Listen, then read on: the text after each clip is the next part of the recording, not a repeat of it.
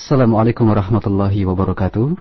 Ikhwatal Islam a'azanillah iyakum Para pendengar Radio Roja di mana pun Anda berada Alhamdulillah Allah subhanahu wa ta'ala Memberikan kesempatan kepada kita untuk bertemu kembali dalam kajian ilmiah kita untuk edisi malam hari ini Dan sebagaimana yang telah kami sampaikan bahwa pada malam hari ini Kita berkesempatan untuk bisa menyimak kajian ilmiah yang disampaikan oleh Fadilatul Syekh Profesor Dr. Abdul Razak bin Abdul Muhsin Al-Abbad. Al-Badr Hafizullah Ta'ala. Dan perlu kami informasikan bahwasanya beliau adalah salah seorang guru besar di Jamiah Islamiyah atau Universitas Islam Madinah Nabawiyah. Dan beliau juga merupakan pengajar tetap di Masjid Nabawi di kota Madinah Nabawiyah. Dan alhamdulillah kita sudah tersambung dengan beliau. Dan kita juga ditemani dengan Al-Ustaz Abu Abdul Musin Firanda Hafizullah Ta'ala untuk bisa menerjemahkan muhadarah yang beliau sampaikan kepada Anda semua para pendengar Radio Roja di mana pun Anda berada. Dan langsung saja untuk menyingkat waktu, kami akan persilahkan dan kita sapa terlebih dahulu. Assalamualaikum. Waalaikumsalam warahmatullahi wabarakatuh. Hayakumullah jami'an. كيف حالكم وأسأل الله لي ولكم التوفيق والسداد بارك الله فيك وفي جميع المستمعين وفيك بارك الله جزاك الله خيرا هذا أخونا فيراندا أبو عبد المحسن Demikian tadi Syekh memberi salam kepada para pendengar sekalian di mana saja kaum muslimin di tanah air ya semoga Allah Subhanahu wa taala memudahkan kita untuk mendengarkan kajian dari beliau InsyaAllah kita akan mulai ya. Taib ikhwatal Islam para pendengar Radio Roja dimanapun Anda berada, kita akan simak kajian bersama beliau. Fadil masykur. بسم الله الرحمن الرحيم الحمد لله رب العالمين والصلاة والسلام على إمام المرسلين نبينا محمد وعلى آله وأصحابه أجمعين أولا السلام الله عليكم جميعا ورحمة الله وبركاته وأسأل الله لي ولكم التوفيق والسداد وأن يبارك لنا في أعمالنا وأقوالنا. وبادئ ذي بدء وعملا بحديث النبي صلى الله عليه وسلم لا يشكر الله من لا يشكر الناس. أشكر لإخواني القائمين على هذه الإذاعة على إتاحة هذه الفرصة لهذه المشاركات واللقاءات التي نسأل الله تبارك وتعالى أن تكون نافعة لنا أجمعين. وأخص أخي الشيخ فواز جزاه الله خيرا وبارك فيه وفي جهوده وجهود جميع زملائه العاملين في الإذاعة. وأرحب بجميع المستمعين لهذه الإذاعة وبإذن الله تبارك وتعالى سنتواصل معهم من خلال هذا البرنامج الذي سيكون عبارة عن كل يوم في حديث من احاديث الرسول الكريم عليه الصلاه والسلام مع تعليقات وشرح وبيان لمضامين الحديث ومدلولاته. بسم الله الرحمن الرحيم. Alhamdulillah segala puji kita panjatkan kehadirat Allah Subhanahu wa taala. Semoga salawat dan salam senantiasa, senantiasa tercurahkan kepada baginda Rasulullah sallallahu alaihi wasallam dan juga kepada para sahabatnya radhiyallahu taala anhum. E, pertama-tama kata beliau ya hafizahullah beliau mengatakan assalamualaikum beliau memberikan salam kepada seluruh para pendengar dan beliau minta kepada Allah Subhanahu wa taala agar Allah Subhanahu wa taala memberkahi amalan kita memberkahi e, kegiatan kita ya, dan semoga e, bernilai di sisi Allah Subhanahu wa taala. Kemudian mereka beliau menyampaikan bahwasanya untuk mengamalkan hadis Nabi sallallahu alaihi wasallam la yashkurullah man la yashkurun nas tidaklah seorang itu bersyukur kepada Allah Subhanahu wa taala kalau tidak bersyukur kepada manusia.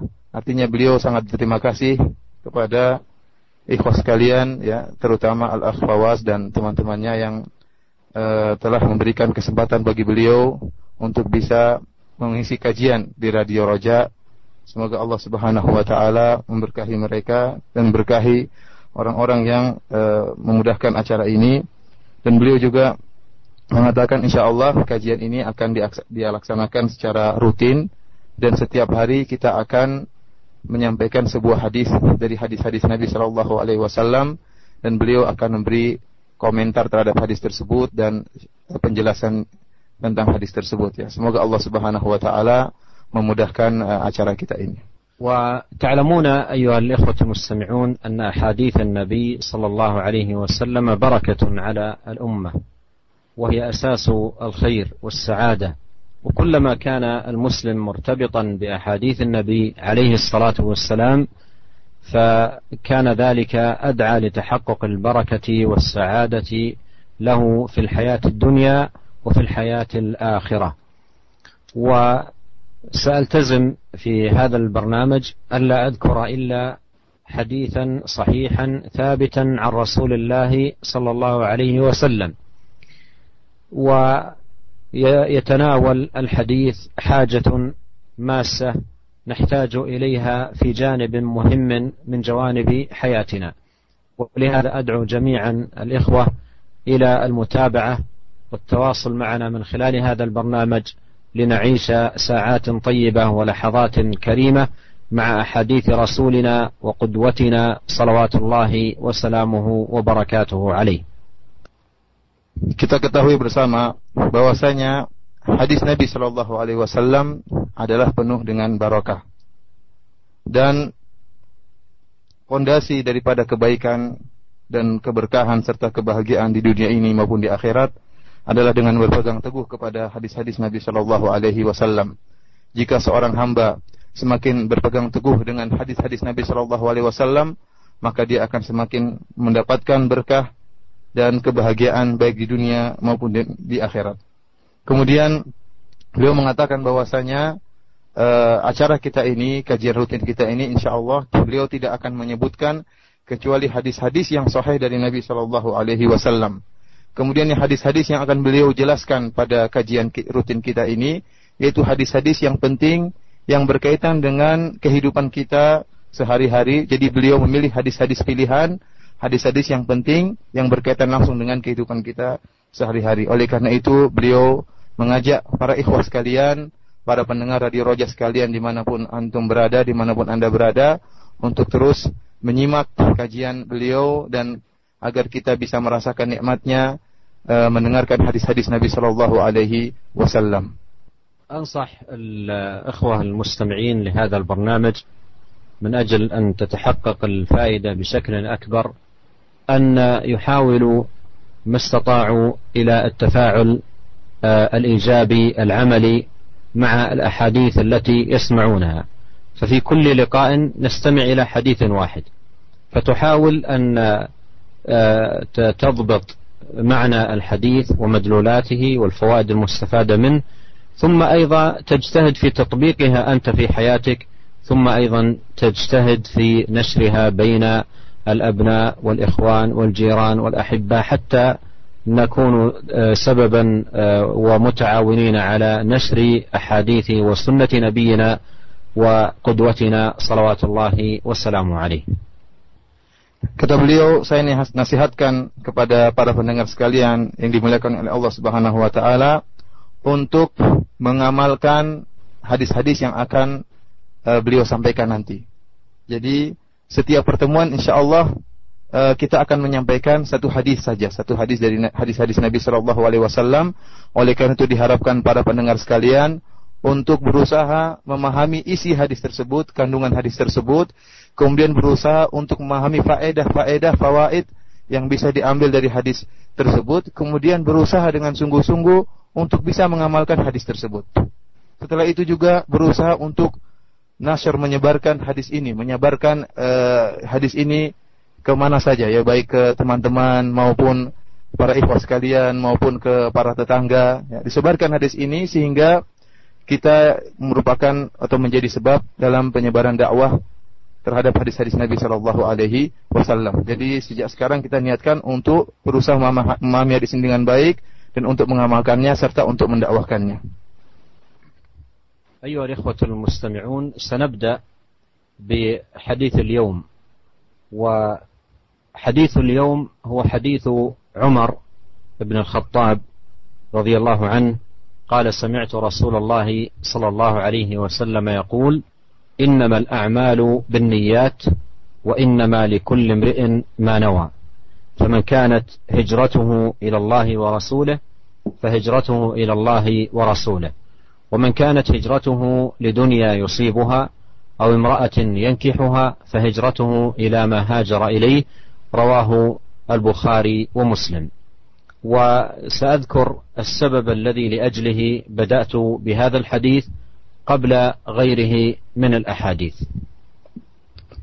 Adapun hadis yang akan dijelaskan oleh beliau uh, Fadilatul Syekh pada pertemuan kita kali ini yaitu hadis yang masyhur hadis dari Umar bin Khattab radhiyallahu taala anhu yang dikenal dengan hadis niat di mana beliau pernah berkata Sami'tu Rasulullah sallallahu alaihi wasallam yaqul kata Umar bin Khattab radhiyallahu taala anhu bahwasanya saya mendengar Rasulullah sallallahu alaihi wasallam bersabda Innamal a'malu bin niyat Sungguhnya amal-amal itu tergantung daripada niatnya. Wa innama likulli imri'in nawa. Dan bagi setiap orang itu apa yang dia niatkan. Faman kanat hijratuhu ila Allah wa rasulih fa hijratuhu ila Allah wa rasulih.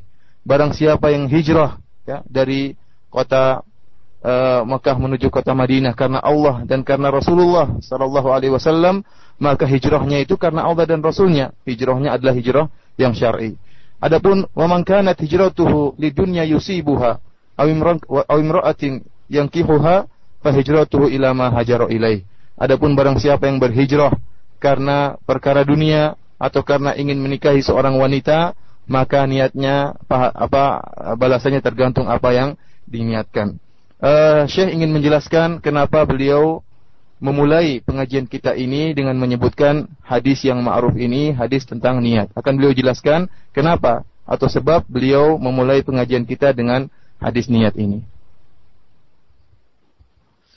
لعل عددا من الإخوة المستمعين يتساءل لماذا بدأنا بهذا الحديث حديث إنما الأعمال بالنيات قبل غيره من الأحاديث والجواب على هذا السؤال أنني بدأت بهذا الحديث لأسباب ثلاثة.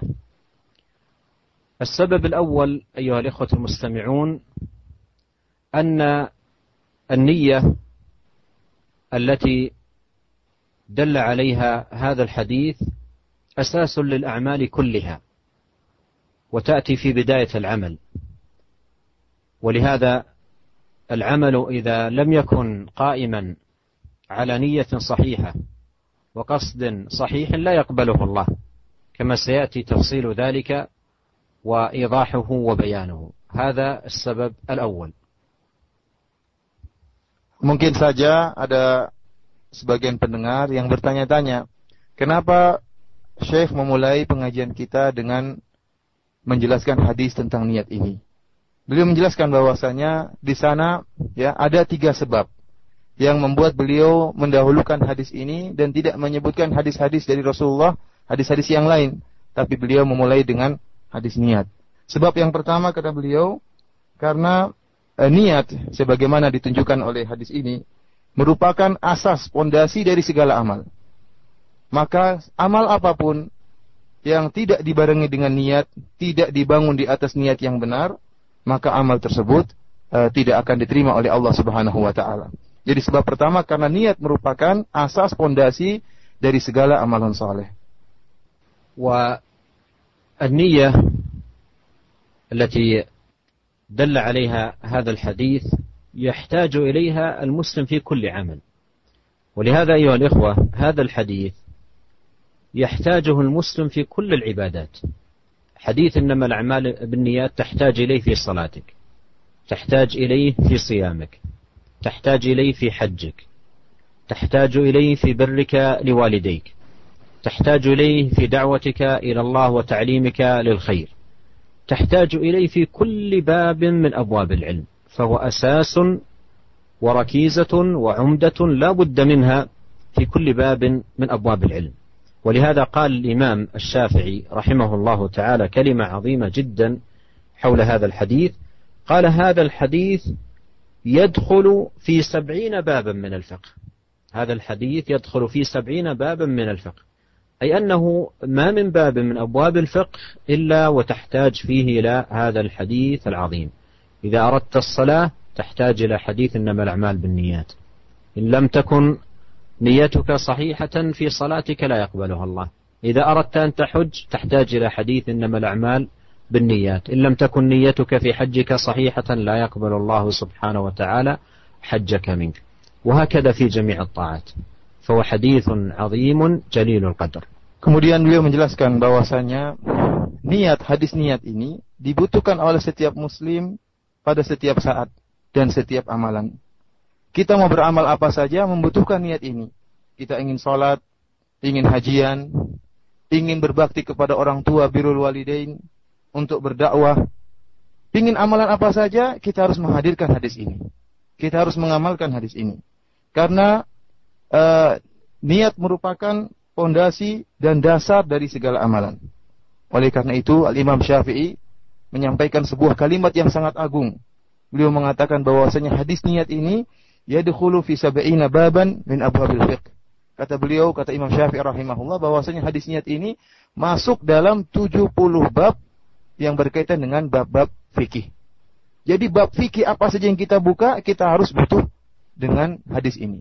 Kita ingin sholat, ya maka kita harus hadirkan hadis ini. Kita harus mengamalkan hadis innamal a'malu bin niat. Harus ingat bahwasanya amalan-amalan itu tergantung dari niat.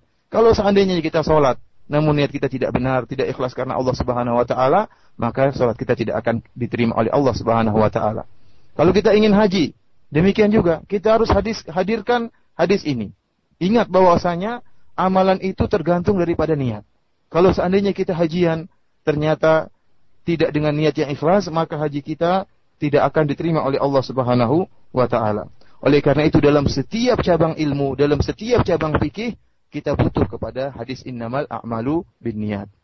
السبب الثاني لاختيارنا أو لبدئنا بهذا الحديث أن جماعة من أهل العلم بدأوا مصنفاتهم بهذا الحديث العظيم فعلى سبيل المثال الإمام البخاري رحمه الله افتتح كتابه الصحيح الذي هو أصح كتاب بعد كتاب الله بهذا الحديث العظيم وكذلك الإمام عبد الغني المقدسي افتتح كتابه المشهور عمدة الأحكام بهذا الحديث العظيم.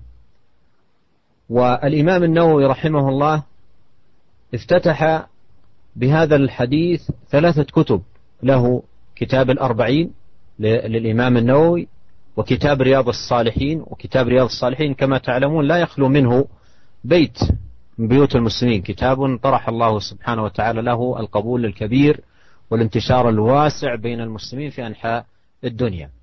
وقد افتتح رحمه الله كتابه رياض الصالحين بحديث إنما الأعمال بالنيات. كذلك الإمام آه، آه، السيوطي رحمه الله أو الإمام البغوي رحمه الله افتتح كتابه مصابيح السنة بهذا الحديث العظيم.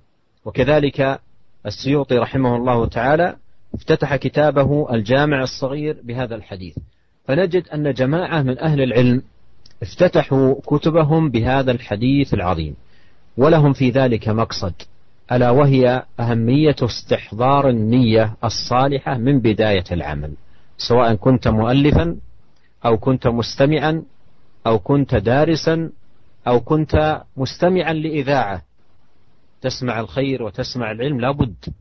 أن تنوي النية الصالحة الطيبة حتى يكون عملك صالحا مقبولا عند الله جل وعلا رزقنا الله جميعا التوفيق والقبول Kemudian beliau menjelaskan sebab kedua kenapa beliau mendahulukan pembahasan hadis innamal a'malu binniyat daripada hadis-hadis yang lain karena banyak dari para ulama yang mereka mendahulukan penyebutan hadis ini dalam buku-buku mereka. Contohnya misalnya Al-Imam Al-Bukhari, beliau membuka kitab sahihnya dengan hadis innamal a'malu binniyat. Demikian juga uh, Abdul Ghani Al-Maqdisi ya, yang memiliki kitab yang sangat terkenal dengan judul Umdatul Ahkam, hadis tentang buku tentang kumpulan hadis-hadis hukum. Beliau mendahulukan mendahului kitabnya dengan hadis innamal a'malu binniyat. Demikian juga Al-Imam An-Nawawi. Al-Imam An-Nawawi juga membuka kitab-kitabnya dengan hadis innamal a'malu binniyat. Di antaranya dalam kitabnya Al-Arba'in Nawawiyah, demikian juga dalam kitab Riyadhus Salihin. Yang kita tahu bahwasanya kitab Riyadhus Salihin ini uh, telah sangat tersebar uh, oleh di, di kalangan kaum muslimin dan, dan hampir setiap rumah ada buku Riyadhus Salihin. Ya. Dan Allah Subhanahu wa taala telah menuliskan uh, kepada Imam Nawawi diterimanya buku ini. Hampir di setiap tempat ada kitab Riyadhus Salihin. Kitab ini dibuka dengan hadis innamal a'malu binniyat. Kemudian beliau juga punya kitab yang ketiga yaitu Majmu' Syarah Muhadzab. Beliau juga membuka kitab beliau ini dengan hadis innamal a'malu binniyat. Demikian juga Al-Imam Al-Baghawi dalam kitabnya Masabih Sunnah. Demikian juga Imam As-Suyuti dalam kitabnya Al-Jami' As-Saghir. Semuanya mereka membuka kitab-kitab mereka ini dengan hadis innamal a'malu binniyat. Tentunya ikhwani fillah para pendengar radio Roja yang dirahmati oleh Allah Subhanahu wa taala, mereka mendahulukan hadis innamal a'malu binniyat ini tentunya ada maksudnya, ada tujuannya. Mereka punya tujuan. Kenapa?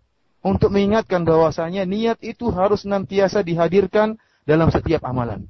Amalan apa saja yang ingin kita lakukan harus kita menghadirkan niat agar amalan kita diterima. Apakah kita sebagai penulis mu'alif kitab, kita menulis buku, kita harus menghadirkan niat. Bahkan sebagai orang yang mendengarkan ceramah Para ikhwas sekalian, para pendengar yang sekarang sedang mendengarkan kajian dari Syekh Abdul Razak ya, harus juga menghadirkan niat. Mendengar radio juga harus menghadirkan niat. Bahwasanya kita mendengarkan radio ini karena Allah Subhanahu wa taala. Inilah sebab yang kedua kenapa beliau mendahulukan hadis innamal a'malu binniyat. السبب الثالث أيها الإخوة المستمعون أن هذا الحديث حديث عظيم أجمع أهل العلم على عظم موقعه وجلالة قدره. وأن السنة وأحاديث الرسول صلى الله عليه وسلم تدور على هذا الحديث العظيم. فهو أحد قواعد الإيمان وأول دعائمه وآكد أركانه. ولهذا قال النووي رحمه الله تعالى في مقدمة آه، كتابه المجموع شرح المهذب قال وهو حديث متفق على صحته ومجمع على عظم موقعه وجلالته وهو, أح وهو إحدى قواعد الإيمان وأول دعائمه وآكد الأركان ونقل نقولا عن بعض أهل العلم في بيان مكانة هذا الحديث يأتي الإشارة إليها Kemudian sebab yang ketiga yang menyebabkan beliau mendahulukan hadis ini karena hadis ini adalah hadis yang sangat agung. Dan para ulama telah sepakat ya, telah ittifak akan keagungan hadis ini. Di mana hadis-hadis yang lain ya berputar sekitar hadis ini. Oleh karena itu Al-Imam Nawawi dalam kitabnya Al-Majmu' Syarah Muhadzab telah menyebutkan bahwasanya hadis ini telah disepakati akan kesohihannya dan dia disepakati akan keagungannya dan dia merupakan salah satu dari uh, iman dari apa namanya eh, pondasi-pondasi uh, daripada keimanan. Oleh karena itu hadis ini disepakati oleh para ulama akan keagungannya dan akan kemuliaan hadis ini.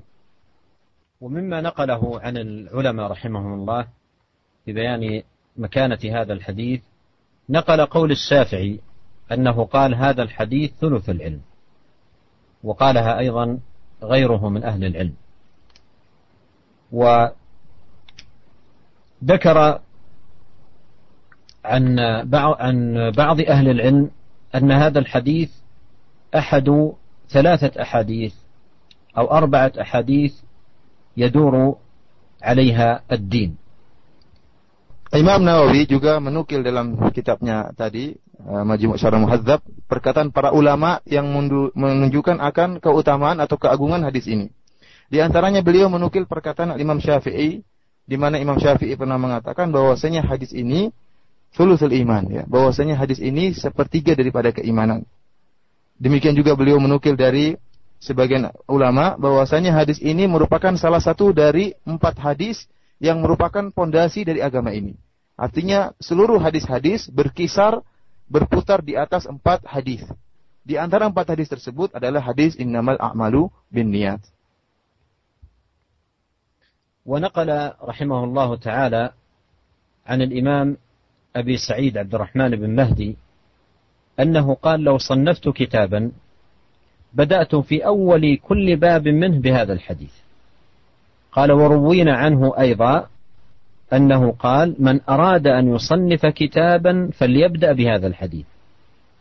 وقال الإمام أبو سليمان الخطابي الشافعي رحمه الله في كتابه المعالم معالم السنن قال كان المتقدمون من شيوخنا يستحبون تقديم حديث الأعمال بالنيات أمام كل شيء ينشأ ويبتدى من أمور الدين لعموم الحاجة إليه في جميع أنواعها. فهذا كله مما يبين المكانة العلية والمنزلة الرفيعة لهذا الحديث العظيم Uh, di antaranya beliau menukil dari Al-Imam Abi Sa'id Abdurrahman bin Mahdi. Beliau mengatakan bahwasanya, "Lau sannaftu kitaban, kalau saya menulis sebuah kitab, maka saya akan mendahulukan di setiap kitab uh, hadis ini, hadis innamal a'malu bin niat. Kemudian juga diriwayatkan dari beliau bahwasanya beliau mengatakan, "Man arada ayyusannifa kitaban falyabda bihadzal hadis." Barang siapa yang ingin menulis sebuah kitab, maka hendaknya dia mulai dengan hadis innamal a'malu binniyat. Beliau juga menukil dari Al-Imam Al-Khattabi salah, salah seorang dari ulama Syafi'iyah, beliau mengatakan bahwasanya para para guru-guru kami terdahulu mereka uh, senang untuk mendahulukan hadis innamal a'malu binniyat sebelum segala sesuatu. Jadi hendaknya dimulai dengan hadis innamal a'malu binniyat dalam setiap perkara-perkara agama. Kenapa? Li umumil hajati ilaihi fi jami'i anwa'iha. Karena uh, setiap setiap masalah butuh dengan hadis innamal a'malu bin niat. Dalam setiap bab dari perkara-perkara agama kita kita sangat butuh dengan hadis innamal a'malu bin niat. وأكتفي بهذا لكي لا أطيل في بيان أهمية هذا الحديث وسبب البدء به وتقديمه ونشرع الآن في الدخول في الكلام في بيان مضامين هذا الحديث العظيم ودلالاته. sebutkan ya dari apa namanya sebab-sebab kenapa beliau mendahulukan hadis ini kita sudah selesai dari menjelaskan sebab-sebabnya dan insya Allah sekarang kita mulai akan menjelaskan kaidah faedah faedah atau kandungan-kandungan yang bisa diambil dari hadis ini. فقط أضيف فائدة واحدة مهمة وعظيمة وأرجو أن ننتبه لها أيها الأخوة الكرام الإمام أحمد رحمه الله له كتاب اسمه المسند وهذا الكتاب طبع في خمسين مجلدا مع الفهارس مليء بالأحاديث الثابتة والأحاديث المسندة عن رسول الله صلوات الله وسلامه عليه. هذا الإمام المكثر من أحاديث الرسول عليه الصلاة والسلام يقول أصول الإسلام على ثلاثة أحاديث. أصول الإسلام على ثلاثة أحاديث. حديث عمر الأعمال بالنيات وحديث عائشة من أحدث في أمرنا ما ليس منه فهو رد وحديث النعمان بن بشير الحلال بين والحرام بين. وهذا الكلام من هذا الإمام يبين لنا مكانة هذه الأحاديث الثلاثة على وجه الخصوص وأن كل مسلم على وجه الأرض يحتاج إلى معرفة هذه الأحاديث الثلاثة معرفة تامة وجيدة لأن أصول الدين وشرائع الإسلام وحقائق الشريعة ترجع إلى هذه الأحاديث الثلاثة حديث إنما الأعمال بالنيات وحديث من أحدث في أمرنا هذا ما ليس منه فهو وحديث الحلال بين والحرام بين Uh, ada tambahan dari beliau, ya beliau ingin ingin memberikan faedah yang sangat agung, ya. Beliau ingin menukil menyampaikan perkataan Al-Imam Ahmad. Kita tahu bahwasanya Al-Imam Ahmad rahimahullah beliau memiliki sebuah buku yang namanya Musnad Al-Imam Ahmad. Yang buku ini ya mengandung ribuan hadis ya. Tercakup dalamnya ribuan hadis dan sekarang telah dicetak dalam 50 jilid ya, 50 jilid yang berisi tentang hadis-hadis Nabi Shallallahu Alaihi Wasallam. Tentunya Al Imam Ahmad sangat paham tentang hadis-hadis Nabi Shallallahu Alaihi Wasallam. Bagaimana tidak? Beliau telah mengumpulkan ribuan hadis dan sekarang dicetak dalam 50 jilid. Beliau menyampaikan suatu kalam, suatu perkataan yang sangat agung. Beliau mengatakan bahwasanya usulul Islam ala salah satu ahadis. Kata beliau bahwasanya pondasi-pondasi agama Islam ini dibangun di atas tiga hadis. Ya, tatkala dikatakan pondasi-pondasi Ini menunjukkan akan pentingnya hadis-hadis tersebut. Kata beliau, pondasi-pondasi Islam dibangun di atas tiga hadis. Yang pertama hadis Umar bin Khattab, yaitu hadis yang akan kita bicarakan, hadis innamal a'malu niat. Dan hadis yang kedua hadis Aisyah radhiyallahu taala anha di mana Rasulullah SAW bersabda, "Man ahdatha fi amrina hadza ma laysa minhu fahuwa rad." Barang siapa yang mengadakan uh, suatu perkara agak yang baru dalam agama ini maka akan tertolak. Dan hadis yang ketiga yaitu hadis Nu'man bin Bashir yaitu al halalu bayyin wal haramu bayyin kata Nabi sallallahu alaihi wasallam perkara-perkara yang halal itu jelas dan perkara-perkara yang haram juga jelas. Ini menunjukkan bahwasanya seorang muslim ya setiap kita harus benar-benar bisa memahami makna dari tiga hadis ini dengan ma'rifatan tamah, dengan pemahaman yang sangat sempurna. Kenapa? Karena agama itu kembali kepada tiga hadis ini. Oleh karena itu kita berusaha untuk memahami ketiga hadis ini dengan pemahaman yang benar-benar uh, kita usahakan sempurna mungkin agar kita bisa membangun agama kita ini di atas pemahaman yang benar. قوله صلى الله عليه وسلم في هذا الحديث إنما الأعمال بالنيات. إنما الأعمال بالنيات. إنما في لغة العرب أداة حصر. تحصر الأمر في المثبت وتنفيه عما سواه. إنما الأعمال بالنيات. والمراد أن الأعمال معتبرة بنياتها لأن الجار والمجرور في قوله بالنيات والمراد بنياتها متعلق بمحذوف تقديره معتبرة فمعنى قوله إنما الأعمال بالنيات أي إنما الأعمال معتبرة بنياتها. إنما الأعمال معتبرة بنياتها. فمعتبرة من حيث صحة العمل استقامة العمل وقبول الله سبحانه وتعالى للعمل وحصول الثواب على العمل كل ذلك إنما يكون معتبر بالنية فالنية لكل عمل بمثابة الأساس Adapun perkataan Nabi Shallallahu Alaihi Wasallam innamal a'malu bin niat ya, dalam bahasa Arab innama itu disebut dengan adatul hasar yaitu pembatas yang kalau kita artikan hanya saja amalan-amalan itu dengan niat. Jadi hanya saja. Maksudnya apa? Bahwasanya amalan-amalan itu muktabar, ya. hanya dianggap kalau ada niat. Kata beliau, Syekh uh, Hafizahullah beliau mengatakan bahwasanya al-jar dan majrur kalau kita ngerti bahasa Arab ada kalimat bin niat namanya jar dan majrur itu pasti mesti dia muta'alliqah dengan sesuatu yang sebelumnya. Dan beliau mengatakan bahwasanya jar dan majrur di sini bin niat itu berkaitan dengan sesuatu perkataan yang terhapuskan yang kalau kita takdirkan yaitu mu'tabarah. Seakan-akan Nabi Shallallahu alaihi wasallam berkata, "Innamal a'malu mu'tabaratun bin niat." Yang artinya sungguhnya Eh, amalan-amalan uh, itu hanya bisa dianggap kalau ada niatnya. Dianggap apa maksudnya? Dianggap kesohehannya, yaitu amalan itu diterima oleh Allah Subhanahu wa taala atau tidak. Tergantung dari niat. Jadi uh, makna kata perkataan Nabi tersebut adalah bahwasanya amalan-amalan itu hanya bisa diterima oleh Allah Subhanahu wa taala, dianggap sah oleh Allah Subhanahu wa taala kalau dengan niat yang benar. وقوله في الحديث الأعمال في قوله إنما الأعمال ما المراد بالأعمال هنا هل المراد بالأعمال القرب مثل الصلاة والصيام والحج والزكاة وبر الوالدين صلة الأرحام وغير ذلك هل المراد بالأعمال القرب أو المراد بالأعمال عموم الأعمال؟ مثل الأكل عمل الشرب عمل النوم عمل. هل المراد القرب أو المراد عموم الأعمال؟ إذا قلنا المراد بالأعمال القرب فمعنى أن صلاة الإنسان لا تكون معتبرة إلا بالنية. صيامه لا يكون معتبرا إلا بالنية. آه، زكاته لا تكون معتبرة إلا بالنية. حجه لا يكون معتبر إلا بالنية وهكذا.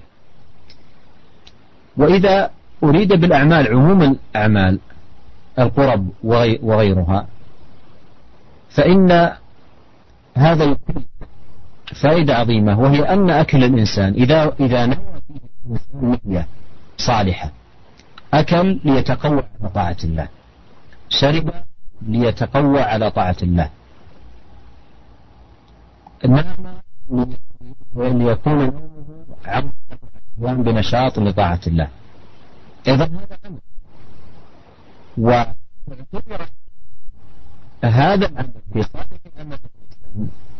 العمل وعلى هذا الشرب وعلى هذا النوم لأن الأعمال معتبرة في نياتها. فرق آخر بين من يأكل ويشرب ليستعين بأكله وشربه على معصية الله. وبين من يأكل ويشرب ويستعين بأكله وشربه على طاعة الله. فرق بين هذا وهذا. وسبب الفرق بين أن كل أكل كل الشرب وما كان الشرب واحد يأكلون هنا شرابا واحدا لكن هذا يؤجر لأنه أكل ليتقوى بأكله على الطاعة. شرب ليتقوى على الطاعة بنومه على طاعة الله. أما الآخر والعياذ بالله يأكل ويشرب وينام يفعل ذلك ليتقوى بذلك على المعصية ما الذي جعل آه، آه، آه، وجود وهذا النية فالنية فالأعمال أي سواء كانت قرب أو كانت عموم الأعمال هي معتبرة بنياتها Kemudian para pendengar radio Roja yang berbahagia yang dirahmati oleh Allah Subhanahu wa taala, kata Nabi sallallahu alaihi wasallam tadi, sungguhnya amalan-amalan eh, tergantung daripada niat. Apa maksud amalan-amalan di sini? Apakah yang dimaksud dengan amalan-amalan di sini hanyalah amalan-amalan kurbah ibadah kepada Allah Subhanahu wa taala seperti salat, haji, puasa, birrul walidain, berbakti kepada orang tua, eh, bersilaturahmi, Ataukah yang dimaksud amalan-amalan di sini lebih umum lagi semua amalan termasuk di dalamnya amalan kita sehari-hari seperti makan, minum, tidur. Beliau menjelaskan bahwasanya di sini umum semua amalan. Kalau kita maksudkan amalan-amalan di situ adalah amalan-amalan ketaatan seperti sholat, haji dan yang lainnya, maka seorang sholatnya tidak akan diterima kecuali kalau dengan niat yang benar. Demikian juga tatkala dia bayar zakat ya, mengeluarkan duit untuk bayar zakat. Kalau niatnya tidak benar, maka zakatnya tidak akan diterima. Demikian juga tatkala dia hajian, mengeluarkan uang yang sangat banyak untuk melaksanakan ibadah haji. Namun jika niatnya tidak benar, maka tidak dianggap oleh Allah Subhanahu wa taala. Demikian juga tatkala dia berpuasa, dia menahan lapar, menahan haus, haus ya, setengah mati. Namun kalau niatnya bukan karena Allah Subhanahu wa taala, maka tidak akan diterima oleh Allah Subhanahu wa taala. Demikian juga beliau menjelaskan, kalau dimaksudkan dengan amal-amal di sini adalah amal-amal secara umum, maka ini sangat memberikan faedah yang sangat besar. Faedah yang sangat agung. Mengingatkan kepada kita jika seorang makan dan minum dengan niat untuk agar tubuhnya bisa kuat untuk beribadah kepada Allah Subhanahu wa taala, maka dia akan mendapatkan pahala dari Allah Subhanahu wa taala. Bayangkan amalan makan, minum, minum, kemudian tidur, namun niatnya karena Allah Subhanahu wa taala, maka dia akan mendapatkan pahala dari Allah Subhanahu wa taala. Maka sungguh berbeda kalau ada orang yang makan, minum, kemudian tidur, niatnya untuk menguatkan badannya untuk beribadah kepada Allah Subhanahu wa taala, tentunya ini berbeda dengan orang yang makan dan minum dan tidur niatnya untuk bermaksiat kepada Allah Subhanahu wa taala. Meskipun ta'amun wahid, meskipun makanannya sama, minumannya sama, sama makan dan minumnya sama, yang dimakan sama, yang diminum sama, akan tetapi hasilnya jauh sungguh berbeda. Yang satu dia makan dan minum niatnya karena Allah Subhanahu wa taala, maka Allah berikan ganjaran pahala dan yang satunya wal billah dia makan dan minum untuk bermaksiat. Menguatkan tubuhnya untuk bermaksiat kepada Allah Subhanahu wa taala dan dia akan mendapatkan dosa dari Allah Subhanahu wa taala. Apa yang membedakan antara dua orang ini? Yang membedakan yaitu niat mereka berdua yang berbeda. Satunya karena Allah Subhanahu wa taala, yang satunya karena untuk bermaksiat kepada Allah Subhanahu wa taala. والنية هي القصد نية الإنسان أي أي قصده عندما يقال الأعمال بالنيات أي بالمقاصد ماذا تقصد بهذا العمل؟ ماذا تقصد بهذا العمل؟ ما نيتك فيه أي ماذا تقصد؟ ما, هي ما هو قصدك فيه؟ ولهذا النية في العمل يحصل بها فوائد. من الفوائد التي تحصل أن النية تميز بين العبادات. العبادات التي تشترك في الصورة الواحدة لكن تجدها تختلف بالنية. مثلا صلاة النافلة التي قبل صلاة الفجر ركعتين وصلاة الفجر الفريضة ركعتين. لكن ما الذي يميز النافلة عن الفريضة النية؟ أنت تصلي نافلة الفجر ونيتك النافلة وتصلي فريضة الفجر ونيتك الفريضة. لو فرضنا أن رجلا صلى الفجر ونوى ونواها نافلة لا تقبل منه. لو جاء بأركانها وركوعها وسجودها إلى آخره وكانت النية نافلة لم ينوي الفريضة لا, لا, لا تكون مقبولة لأنه لم ينوي لم توجد النية لأن الأعمال معتبرة بنياتها. فالنية تميز آه، يحصل بها التمييز بين العبادات. كتمييز فرض عن فرض يعني مثلا الآن صلاة الظهر وصلاة العصر. صورتهما واحدة كلاهما أربع ركعات. لكن ما الذي يميز هذا عن هذا؟ ما الذي يميز فريضة الظهر عن فريضة العصر؟ إلا النية. تختلف في النية.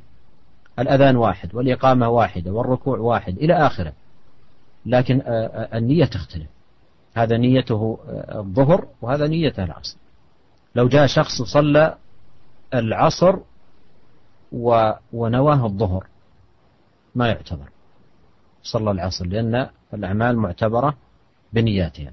إذا من فوائد النية أنها تميز بين العبادات كمثلا التمييز بين الفرض والفرض مثل ما مثلت العصر والظهر وتميز بين الفرض والنفل مثل ما مثلت فريضة الفجر ونافلة الفجر. وكذلك تميز بين العبادات والعادات. تميز بين العبادات والعادات. كالغسل مثلا. الغسل قد يكون النية منه الجنابة وقد يكون النية منه التبرد. إنسان يغتسل ليتبرد أو ليتنظف أو ليرتاح جسمه من العناء والتعب. فالأعمال بنياتها الاغتسال للتبرد أو للتنظف هذا مباح. لكن الغسل من الجنابة واجب. والإنسان عندما يغتسل من الجنابة ينوي ذلك. ينوي ذلك.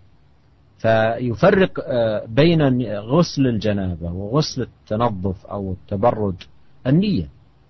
فالنية تميز بين العبادات وتميز بين العبادات أو تميز العبادات عن العادات. Kemudian makna kalimat niyah yaitu qas tujuan. Niat itu maknanya tujuan, maksud. Jadi kalau kita ditanya apa niatmu, maksudnya apa tujuanmu? Apa maksudmu? Dari kalimat ini bahwasanya maksud makna daripada niat adalah tujuan atau maksud, maka hadis ini memberikan faedah yang sangat sangat banyak yaitu bahwasanya di antaranya niat itu membedakan e, antara ibadah satu dengan ibadah yang lainnya. Jadi niat itu bisa membedakan antara satu kewajiban dengan kewajiban yang lainnya. Contohnya, sholat asar dan sholat duhur. Kalau kita lihat bentuk dari kedua sholat tersebut, bentuknya sama. Azannya sama, ikomahnya sama, sholatnya sama-sama empat rakaat, rukuknya sama, sujudnya sama, semuanya sama. Namun yang membedakan apa niatnya? Sholat duhur dilaksanakan dengan niat sholat duhur, dan sholat asar diniatkan dengan sholat asar. Kalau seandainya ada seorang datang kemudian melaksanakan sholat asar, namun niatnya melaksanakan, melaksanakan sholat duhur, maka niatnya tidak, sholatnya tidak akan diterima. Kenapa? Karena niatnya berbeda. Oleh karena itu niat itu membedakan antara satu kewajiban dengan kewajiban yang lain. Demikian juga di antara faedah daripada niat, yaitu membedakan antara sesuatu yang wajib dengan sesuatu yang sunnah. Contohnya misalnya seorang ingin e, sholat dua rakaat sebelum subuh dengan sholat subuh. Kita tahu bahwasanya sholat subuh, sholat fajar dua rakaat. Demikian juga sholat sunnah sebelum fajar juga dua rakaat. Yang bedakan apa? Yang bedakan niat, bentuknya sama. Sama-sama dua rakaat, sama-sama sujudnya, sama-sama tahiyatnya, sama semua. Namun yang membedakan adalah niatnya. Oleh karena itu jika ada seorang sholat subuh dua rakaat, namun niatnya untuk sholat sunnah, maka sholatnya tidak akan diterima oleh Allah Subhanahu wa taala meskipun rukun-rukunnya telah dipenuhi, kewajiban kewajibannya telah dipenuhi. Namun jika niatnya bukan buat sholat subuh, namun sholat sunnah, maka sholat subuhnya tidak akan diterima. Demikian juga uh, Syekh menjelaskan bahwasanya niat juga membedakan antara ibadah dengan adat kebiasaan. Yang membedakan apa niat? Contohnya mandi. Kalau seorang mandi, terkadang bisa jadi niatnya untuk mandi wajib. Ya. Maka dia pun mandi dengan niat untuk melaksanakan mandi wajib. Bisa jadi dia juga mandi dengan niat bukan untuk mandi wajib, tapi untuk misalnya untuk kesegaran atau untuk tanazuf untuk membersihkan tubuhnya. Ya. Dan ini sebenarnya boleh. Seorang boleh mandi dengan niat untuk kesegaran atau untuk meningginkan, meningginkan tubuhnya, untuk uh, membersihkan tubuhnya boleh. Oleh karena itu jika seorang melaksanakan mandi wajib, namun niatnya untuk melaksanakan tatkala mandi tersebut niatnya adalah untuk membersihkan tubuhnya, bukan diniatkan untuk mandi wajib, maka mandinya tidak dikatakan mandi wajib. Kenapa? Karena niatnya bukan untuk niat mandi wajib. Jadi inilah faedah yang sangat agung dari perkataan niat. Jadi niat membedakan antara fard dengan fard, kewajiban dengan kewajiban, membedakan antara kewajiban dengan sunnah, dan membedakan antara ibadah dengan adat.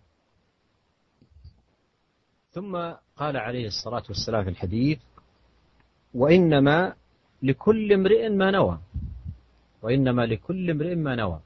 أي لكل امرئ من عمله ما نواه في عمله.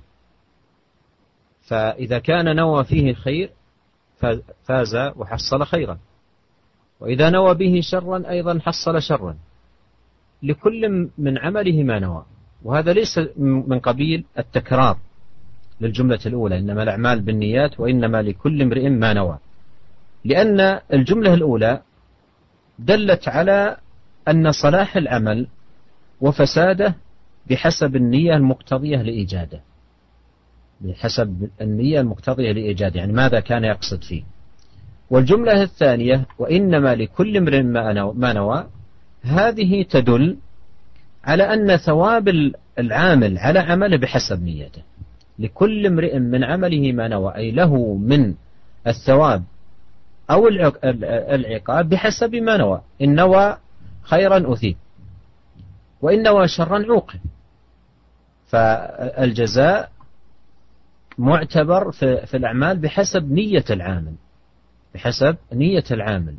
فالإنسان له من عمله ما نوى آه، بعمله. هذا معنى قوله وإنما لكل امرئ ما نوى وسيأتي أيضا مزيد إيضاح. Kemudian sabda Nabi Shallallahu Alaihi Wasallam wa innama likulli imri'in ma nawa. Artinya dan sungguhnya eh, bagi setiap orang apa yang dia niatkan. Itu apa yang dia dia niatkan tatkala dia beramal. Apa sih niatnya? Itu akan dibalas oleh Allah Subhanahu wa taala. Jika tatkala dia beramal niatnya untuk khair, untuk kebaikan, maka Allah Subhanahu wa taala akan berikan balasan kebaikan. Dan ternyata jika dia beramal niatnya untuk syar, untuk keburukan, maka Allah Subhanahu wa taala akan berikan balasan berupa keburukan. Dan ingat para pendengar yang dirahmati oleh Allah Subhanahu wa taala, perkataan Nabi innamal likulli imri'in itu berbeda dengan innamal a'malu binniyat. Jadi ini bukan pengulangan. Adapun sabda Nabi yang pertama innamal a'malu binniyat bahwasanya amalan-amalan itu tergantung daripada niatnya yaitu untuk menjelaskan apa sih tujuan seorang itu e, untuk beramal. Apa tujuannya? Untuk membedakan tujuan tatkala dia sedang beramal. Adapun sabda Nabi yang kedua ini innamal likulli imri'in untuk menjelaskan balasan dari Allah Subhanahu wa taala. Bahwasanya balasan seorang tatkala beramal tergantung niatnya tatkala dia beramal. النبي صلى الله عليه وسلم ضرب مثالا للتوضيح وكما يقولون بالمثال يتضح المقال فضرب مثالا للتوضيح بالهجرة والهجرة من الهجر وهو الترك. وقد تكون بترك بلد الخوف إلى بلد الأمن كالهجرة من مكة إلى الحبشة في صدر الإسلام. وقد تكون من بلاد الكفر إلى بلاد الإسلام كالهجرة من مكة إلى المدينة هجرة النبي صلى الله عليه وسلم وأصحابه من مكة إلى المدينة. وقد تكون الهجرة من بلاد الشرك إلى بلاد الإسلام فهذه هي الهجرة والهجرة من جملة العمل الصالح. الهجرة من جملة العمل الصالح. لكن من يهاجر؟ من يهاجر متى يثاب ومتى لا يثاب؟ هذا الأمر راجع للنية. ولهذا قال عليه الصلاة والسلام فمن كانت هجرته إلى الله ورسوله فهجرته إلى الله ورسوله. نلاحظ الآن أن الجملة الشرطية فيها شرط وفيها جزاء. واتحد الشرط والجزاء. قال فمن كانت هجرته إلى الله ورسوله فهجرته إلى الله ورسوله. ما قال فله كذا وكذا. اتحد الشرط والجزاء. والأصل أن يختلف الشرط عن الجزاء. يعني أن, أن تقول من كانت هجرته إلى الله ورسوله فله من الثواب كذا وكذا. لكن هنا اتحد الشرط والجزاء. فمن كانت هجرته إلى الله ورسوله فهجرته إلى الله ورسوله. فهل هذا من قبيل التكرار؟ الجواب لا. فقوله من كانت هجرته إلى الله ورسوله أي نية وقصدا. من كانت هجرته إلى الله ورسوله أي نية وقصدا فهجرته إلى الله ورسوله أي ثوابا وأجرا. فهجرته إلى الله ورسوله أي ثوابا وأجرا. فافترق. افترق في المعنى والمراد. فمن كانت هجرته إلى الله ورسوله أي نوى بهذه الهجرة هذه النية الصالحة دخلت هذه الهجرة في عملها الصالح. فكانت هجرته إلى الله ورسوله أن يثيبه الله سبحانه وتعالى عليها عظيم الثواب ويجزيه عليها عظيم الجزاء. Kemudian uh, Nabi Shallallahu Alaihi Wasallam memberikan Kemudian Nabi Shallallahu Alaihi Wasallam memberikan contoh untuk menjelaskan hadis ini. Sebagaimana perkataan orang, bil misal yatadhil maqal dengan permisalan maka akan semakin jelas pembicaraan.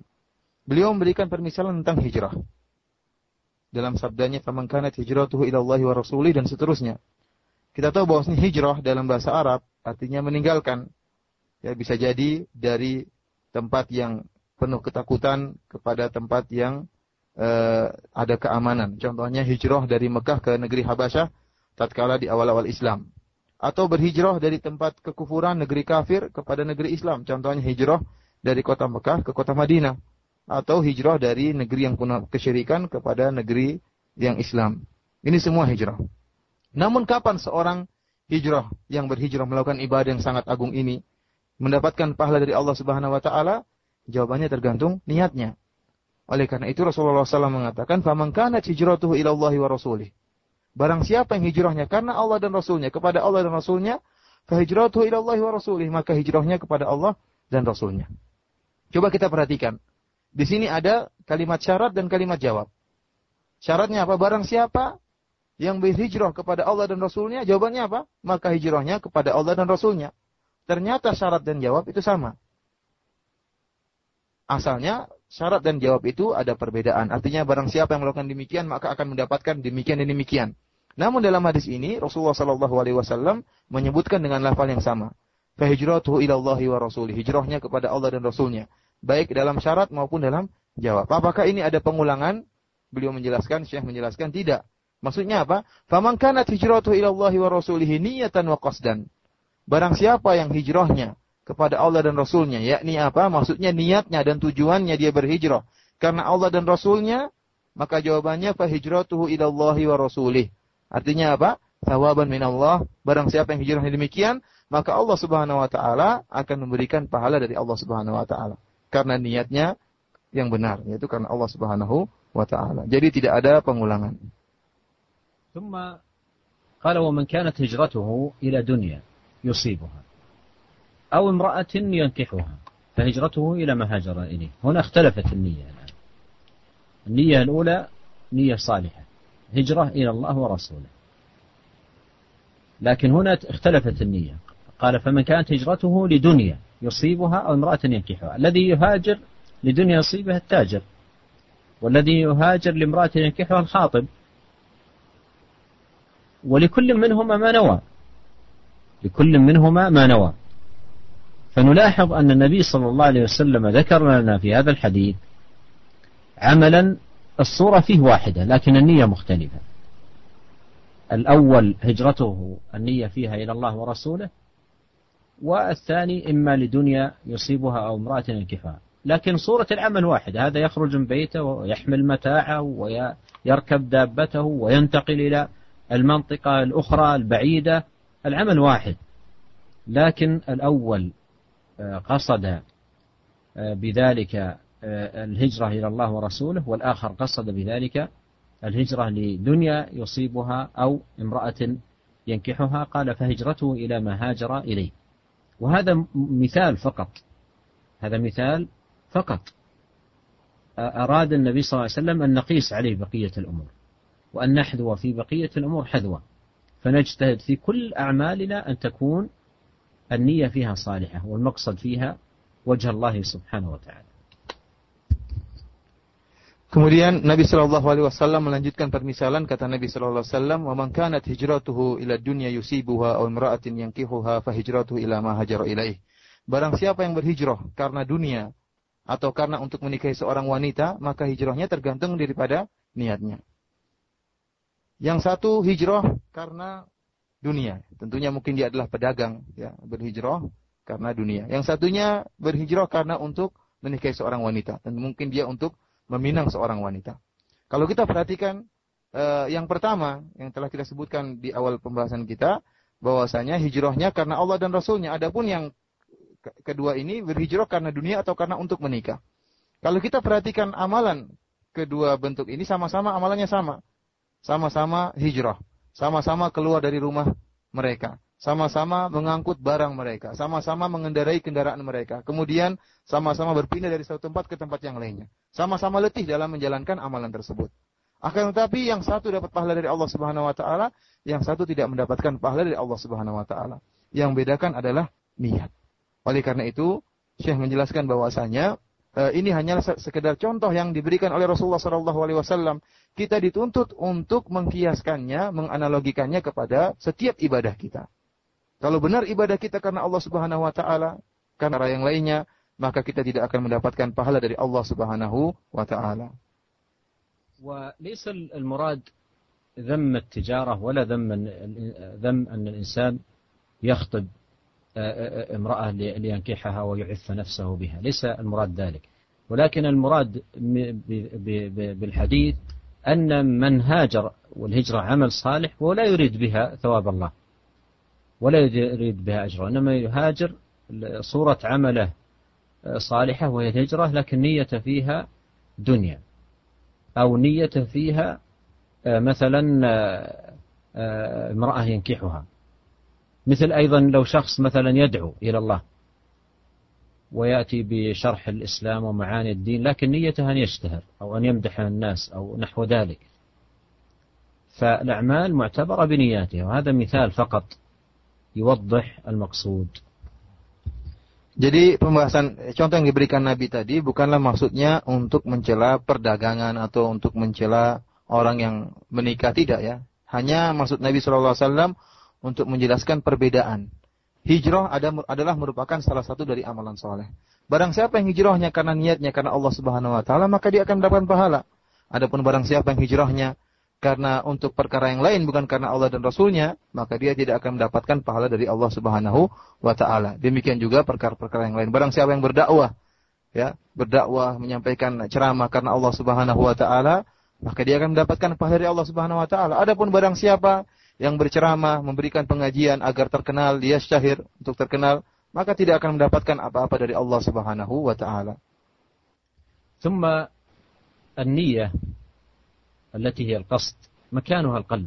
النية التي هي القصد مكانها القلب. لا يتلفظ بها الإنسان. مثلا شخص يريد أن يغتسل من الجنابة.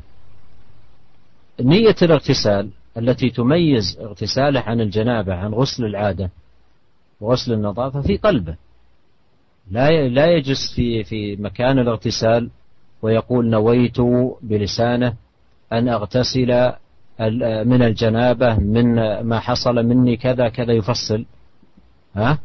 ولا أيضا لا يأتي أيضا لأعمال أخرى ويقول مثلا عندما يأكل السحور نويت أكل هذه اللقمات من السحور من أجل أن أصوم إلى نهاية لا هذا هذا عمل النية عمل مكانها القلب بينك وبين الله سبحانه وتعالى. ولهذا نهى أهل العلم عن التلفظ بالنية. وعندما تتلفظ بالنية تخبر من؟ الله عز وجل مطلع على ما في قلبك. الله مطلع على ما في ولهذا ينبغي أن تعلم أخي المسلم أن النية مكانها القلب. والعلماء جميعا ينهون عن التلفظ بالنية. لا يتلفظ الإنسان بنيته وإنما تبقى نيته في قلبه بينه وبين ربه سبحانه وتعالى Kemudian Syekh mengingatkan bahwasanya niat itu artinya dalam bahasa adalah tujuan, cost, tujuan dan tujuan itu tempatnya di hati. Niat itu tempatnya di hati. Oleh karena itu tidak perlu seorang melafalkan niat. Contohnya tatkala dia ingin mandi janabah. Karena dia ingin membedakan antara mandi janabah dengan mandi biasa, kemudian akhirnya dia melafalkan niat yang tidak benar. Jangan sampai dia pergi ke kamar mandi kemudian dia berkata, "Nawaitu an aktasila, saya berniat untuk mandi karena Allah Subhanahu wa taala." Karena sebab yang telah saya lakukan, ya, kemudian dia memperinci, ya saya tadi begini, begini, begini, maka saya mandi karena Allah Subhanahu Wa Taala. Tidak perlu, tidak perlu dia mengatakan demikian. Demikian juga tatkala seorang sedang makan sahur, maka tidak perlu dia melafalkan niatnya. Dia mengatakan saya berniat untuk makan ini dan itu dalam rangka untuk puasa karena Allah Subhanahu Wa Taala. Tidak perlu melafalkan. Kenapa? Pertama karena niat itu tempatnya di hati. Yang kedua niat itu masalah antara engkau dengan Allah Subhanahu wa taala. Allah yang mengetahui apa isi hatimu. Dan Allah Subhanahu wa taala Maha mengetahui segala sesuatu. Tatkala seorang mengatakan, "Saya berniat," dia mengabarkan siapa sebenarnya tujuannya? Tujuannya dia ingin mengabarkan kepada Allah Subhanahu wa taala. Itu tidak perlu. Karena Allah Subhanahu wa taala Maha mengetahui segala sesuatu. Oleh karena itu para ulama seluruhnya melarang seorang untuk melafalkan niat. Tidak perlu dia melafalkan niat karena Allah Subhanahu wa taala Maha mengetahui segala sesuatu dan Maha mengetahui isi hati manusia. وأيضا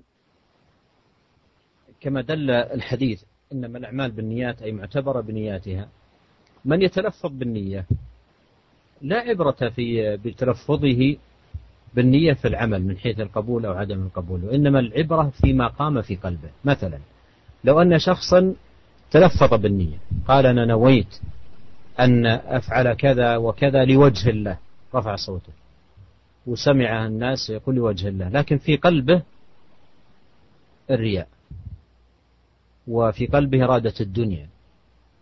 هل هل الاعتبار هنا للشيء الذي تلفظ به بلسانه أو الشيء الذي قام في قلبه؟ إنما الأعمال بالنيات معتبرة بنياتها التي في القلب. والنية مكانها القلب ولهذا نهى العلماء عن التلفظ بالنية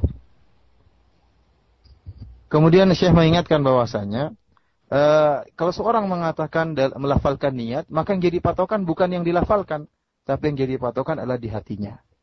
Bukan berarti setiap orang yang mengatakan saya sholat, niatnya karena Allah untuk mencari wajah Allah, maka otomatis sholatnya diterima oleh Allah. Tidak.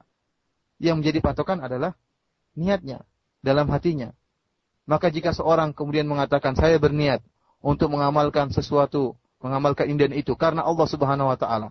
Kemudian dia mengeraskan suaranya, didengar oleh orang banyak. Ternyata orang ini dia telah melafalkan niatnya, mengeraskan suaranya bahwasanya dia beramal karena Allah Subhanahu wa taala.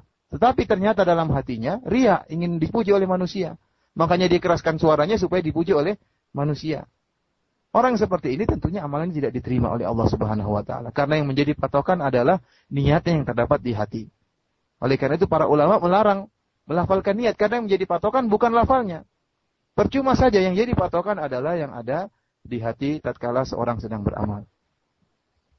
نجد بعض إخواننا بارك الله فيهم وهدانا الله وإياهم ووفقنا جميعا لكل خير اعتاد على التلفظ في النية وخاصة في الصلاة. يعني تجد مثلا إذا أراد أن يصلي الظهر أول ما يقف خلف الإمام يبدأ بصوت يسمعه من من بجواره يقول نويت أن أصلي الظهر أربع ركعات جماعة خلف الإمام. يفصل هذه التفصيلات. يفصل هذه التفصيل. وهذا لا نعلم له أصلا. ما كان ولا ينقل حديث عن نبينا صلى الله عليه وسلم أنه كان يتلفظ بهذا. الصحابة الكرام رضي الله عنهم والتابعون لهم بإحسان ما ينقل عنهم ولا حرف واحد أنهم كانوا يتلفظون بهذا.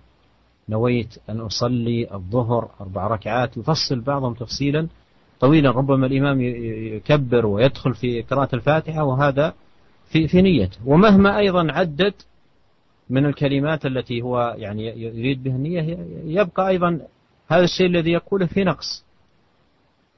ولهذا يذكرون أن مرة شخص كان إلى جنب رجل وقال نويت أن أصلي الظهر أربع ركعات جماعة خلف الإمام وذكر كلام لما انتهى قال ما حددت اليوم؟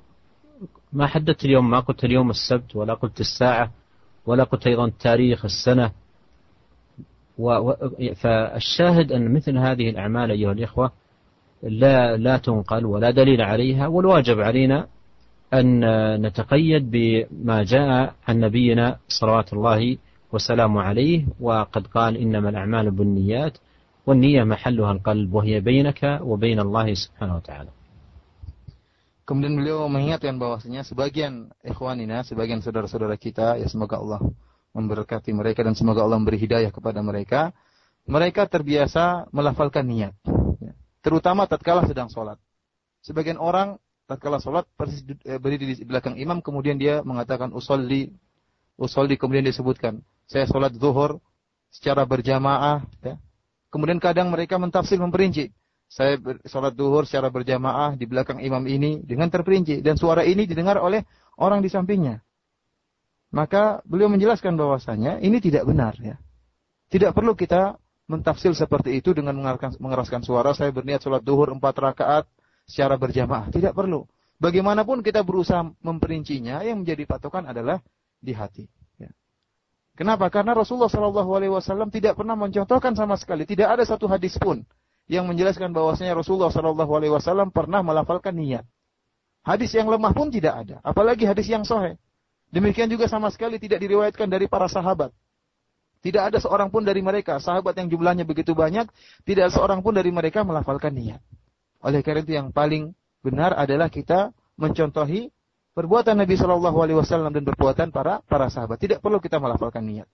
Ada sebuah kisah, ya, ada seorang yang sholat kemudian dia melafalkan niat. Ya, dia mengatakan, e, saya berniat sholat e, ini secara berjamaah di masjid ini di belakang imam ini. Hal ini didengar oleh orang di sampingnya dan dia merasa terganggu. Maka dia pun tegur, tunggu mas, ya masih ada yang kurang. Kamu belum menyebutkan hari apa, jam berapa, ya, tanggal berapa. Ya. Perinciannya masih masih kurang. Ya. Ini semuanya merupakan kesalahan. Oleh karena itu, para pendengar radio Raja yang dirahmati oleh Allah Subhanahu wa taala, kebahagiaan adalah tatkala kita mencontohi Nabi Shallallahu alaihi wasallam dan para sahabatnya. Selama mereka tidak melafalkan niat, maka kita pun tidak melafalkan niat. أيها الأخوة المستمعون نصل الآن إلى ختام الكلام على هذا الحديث العظيم حديث إنما الأعمال بالنيات. ونسأل الله الكريم رب العرش العظيم بأسماء الحسنى وصفاته العليا الذي أكرمنا بالبدء بهذا الحديث والوقوف على مضامينه أن يبارك لنا في أعمالنا وأقوالنا وأن يرزقنا جميعا النية الصالحة وأن يوفقنا للإخلاص في الأقوال والأعمال وأن يتقبل منا أقوالنا وأعمالنا وأن يهدينا إليه صراطا مستقيما إنه تبارك وتعالى سميع مجيب Alhamdulillah para pendengar Radio Roja yang rahmati Allah Subhanahu wa taala, kita telah sampai pada penghujung atau akhir dari kajian kita hari ini ya. Oleh karena itu kita mohon kepada Allah Subhanahu wa taala uh, yang telah memudahkan kita ya memulai dengan uh, hadis ini hadis innamal a'malu binniyat ya yang kemudian kita telah mendengarkan kandungan-kandungan yang terdapat dalam hadis ini. Kita mohon kepada Allah Subhanahu wa taala agar memberkahi amalan kita memberkahi uh, amal ibadah kita dan semoga Allah Subhanahu wa taala menganugerahkan kepada kita keikhlasan dalam amalan kita baik perkataan maupun e, perbuatan ya. Dan semoga Allah Subhanahu wa taala ya memudahkan para pendengar sekalian untuk mengambil faedah dari beliau pada pengajian-pengajian yang selanjutnya. Demikian saja seperti biasa kalau nanti ada yang mau bertanya insya Allah beliau e, akan siap untuk menjawab. Demikian saja. E, Assalamualaikum warahmatullahi wabarakatuh. Waalaikumsalam warahmatullahi wabarakatuh. Demikian ikhwatal Islam a'azan Allah iyakum di mana pun Anda berada. sesi materi dari pembahasan hadis innamal a'malu binniyat yang disampaikan oleh Fadlatul Syekh Abdul Razak bin Abdul Muhsin Al-Abbad hafizahumullah taala dan tiba saatnya bagi kaum muslimin dan muslimat yang akan mengajukan pertanyaan kepada Syekh pada malam hari ini kami persilakan bagi Anda untuk menghubungi kami via layanan on air di 021 823 6543 dan di pesan singkat di 7073 6543 Uh, taib, uh, kita angkat untuk yang pertama dari penelpon. Assalamualaikum. Waalaikumsalam. Ya, dari Pak Komar di Bekasi. Nah, ya, ya silakan. Tanya, ini kalau kita niat itu pas kita kerjakan atau sebelumnya? Kalau ya. uh, sholat gitu kan uh, dari rumah kita udah niat itu apakah pas kita indah di masjid kita niat gitu kita aja Assalamualaikum warahmatullahi wabarakatuh Waalaikumsalam warahmatullahi wabarakatuh Tapi silakan Ustaz bisa menyampaikan ke Syekh.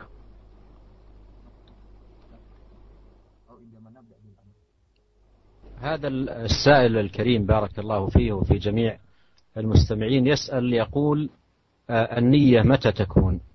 النية متى تكون؟ هل تكون عندما نخرج من البيت أم عندما نبدأ بالعمل؟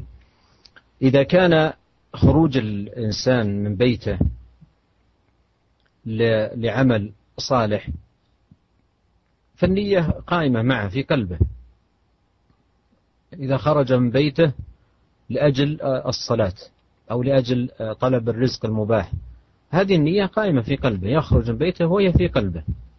وكذلك إذا خرج والعياذ بالله لأجل الفساد النية هي تخرج معه من بيته.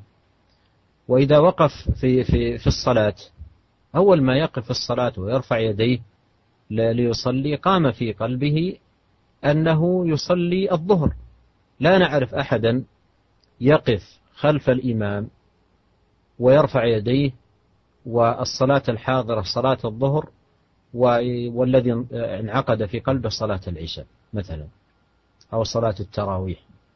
الذي ينعقد في قلب الإنسان هو العمل مثل الصيام النفل وصيام الفرض وقت ما يدخل الإنسان في العمل ينعقد في في في قلبه نية بينه وبين الله سبحانه وتعالى تميز هذا العمل عن غيره هذا من جهة. وأيضا يجب أن يعقد في قلبه نية بحيث يكون هذا العمل آه، يقصد به وجه الله لا يقصد به الرياء. ولهذا أهل العلم آه، يفهمون من من النية هذان الأمران. الأمر الأول تمييز الأعمال وتمييز العبادات والأمر الثاني النية بمعنى الإخلاص وقصد الله سبحانه وتعالى بالعمل Uh, Syekh mendoakan kepada penanya dan demikian juga kepada para pendengar sekalian semoga diberkahi oleh Allah Subhanahu wa taala. Jadi kata beliau, uh, seorang yang keluar dari rumahnya itu sudah otomatis ada niat dalam dirinya. Tatkala dia keluar ingin melaksanakan amalan soleh, sudah ada otomatis dalam niat dalam dadanya sudah ada niat. Sebagaimana seorang yang keluar misalnya untuk bermaksiat, untuk melakukan kemaksiatan. Tatkala melangkahkan kakinya keluar dari rumah, sudah otomatis sudah terdapat niatnya dalam dirinya, bahwasanya dia berniat untuk berbuat kemaksiatan. Demikian juga uh, tatkala seorang uh, ingin melaksanakan amal soleh, misalnya dalam sholat atau ingin sholat, mengangkat tangan bertakbir Allahu Akbar, maka tentunya dalam hatinya sudah ada niat. Niat antara yang tahu hanya dia dan Allah Subhanahu wa taala. Tentunya tidak tergambarkan ada seorang yang datang ke masjid untuk melaksanakan sholat zuhur, kemudian dia berdiri di belakang imam. Tidak tergambarkan dalam niatnya dia ingin melaksanakan sholat isya atau ingin melaksanakan sholat tarawih.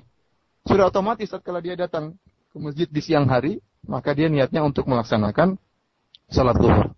Oleh karena itu beliau mengingatkan bahwasanya seorang tatkala beramal, maka dia harus menghadirkan uh, dua niat. Niat yang pertama itu niat untuk membedakan antara ibadah satu dengan ibadah yang lain. Seperti tadi orang sholat zuhur tentunya niatnya sudah dia membedakan. Saya ingin sholat zuhur bukan sholat isya dan sholat tarawih. Mungkin bahkan tidak terbetik dalam hatinya sholat itu sholat tarawih atau sholat isya. Kenapa? Karena dia datang di siang hari di masjid tentunya niatnya sudah jelas dia ingin sholat zuhur. Kemudian niat yang kedua yaitu berkaitan dengan keikhlasan. Dia sholat zuhur tadi niatnya ikhlas karena Allah Subhanahu wa taala, bukan karena untuk dipuji atau untuk dilihat oleh oleh orang lain. Nah, demikian jawaban uh, Syekh. Taib. Untuk selanjutnya kita angkat dari penelpon kembali sudah ada Bapak Mushar di Keramat Pulau Jakarta. Assalamualaikum Bapak. Assalamualaikum Ustaz. Waalaikumsalam warahmatullahi Silakan Pak. Apakah dibenarkan oleh ahli sunnah jamaah apabila kita menulis nama kita, menulis alamat kita di amplop yang berisi uang dalam rangka memenuhi undangan resepsi pernikahan.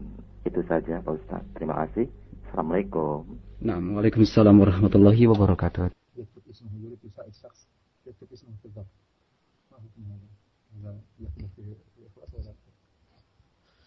هذا. الأخ يسأل عن إذا إذا تصدق بصدقة إذا تصدق بصدقة وكتب اسمه على الظرف بحيث تصل إلى الشخص ويعرف أنها من فلان. هل عليه شيء في هذا العمل أو ليس عليه شيء؟ الجواب أن إذا كان أراد بكتابة اسمه المراءة إذا كان أراد المراءة أو نوى نية أخرى فاسدة. فنعم يكون عليه شيء في هذا. أما إذا تصدق بالصدقة وأظهرها وله في ذلك نية صالحة. فالله سبحانه وتعالى يقول إن تبدوا الصدقات فنعم ما هي أو تخفوها. فإذا أبديتها وأخفيتها المهم أن تكون النية صالحة. لكن إذا كان الإنسان يعني قصد من من إظهار الصدقة الرياء والسمعة وثناء الناس فلا يقبل الله سبحانه وتعالى منه عملا وإخفاء الصدقة أولى. يعني مع النية الصالحة في هذا وهذا إخفاء الصدقة أولى. قد ذكر عليه الصلاة والسلام في السبعة الذين يظلهم الله في ظله يوم لا ظل إلا ظله. ذكر منهم رجلا تصدق بصدقة فأخفاها. حتى لا تعلم شماله ما تنفق يمينه.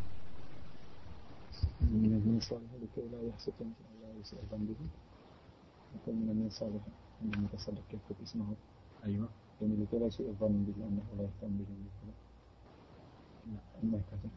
Para pendengar yang rahmati oleh Allah Subhanahu wa taala, saya menjelaskan bahwasanya jika seorang memberi sodakoh, kemudian dia misalnya meletakkan uang dalam sebuah amplop, kemudian dia menuliskan namanya, maka kata Syekh, e, itu kembali kepada niatnya.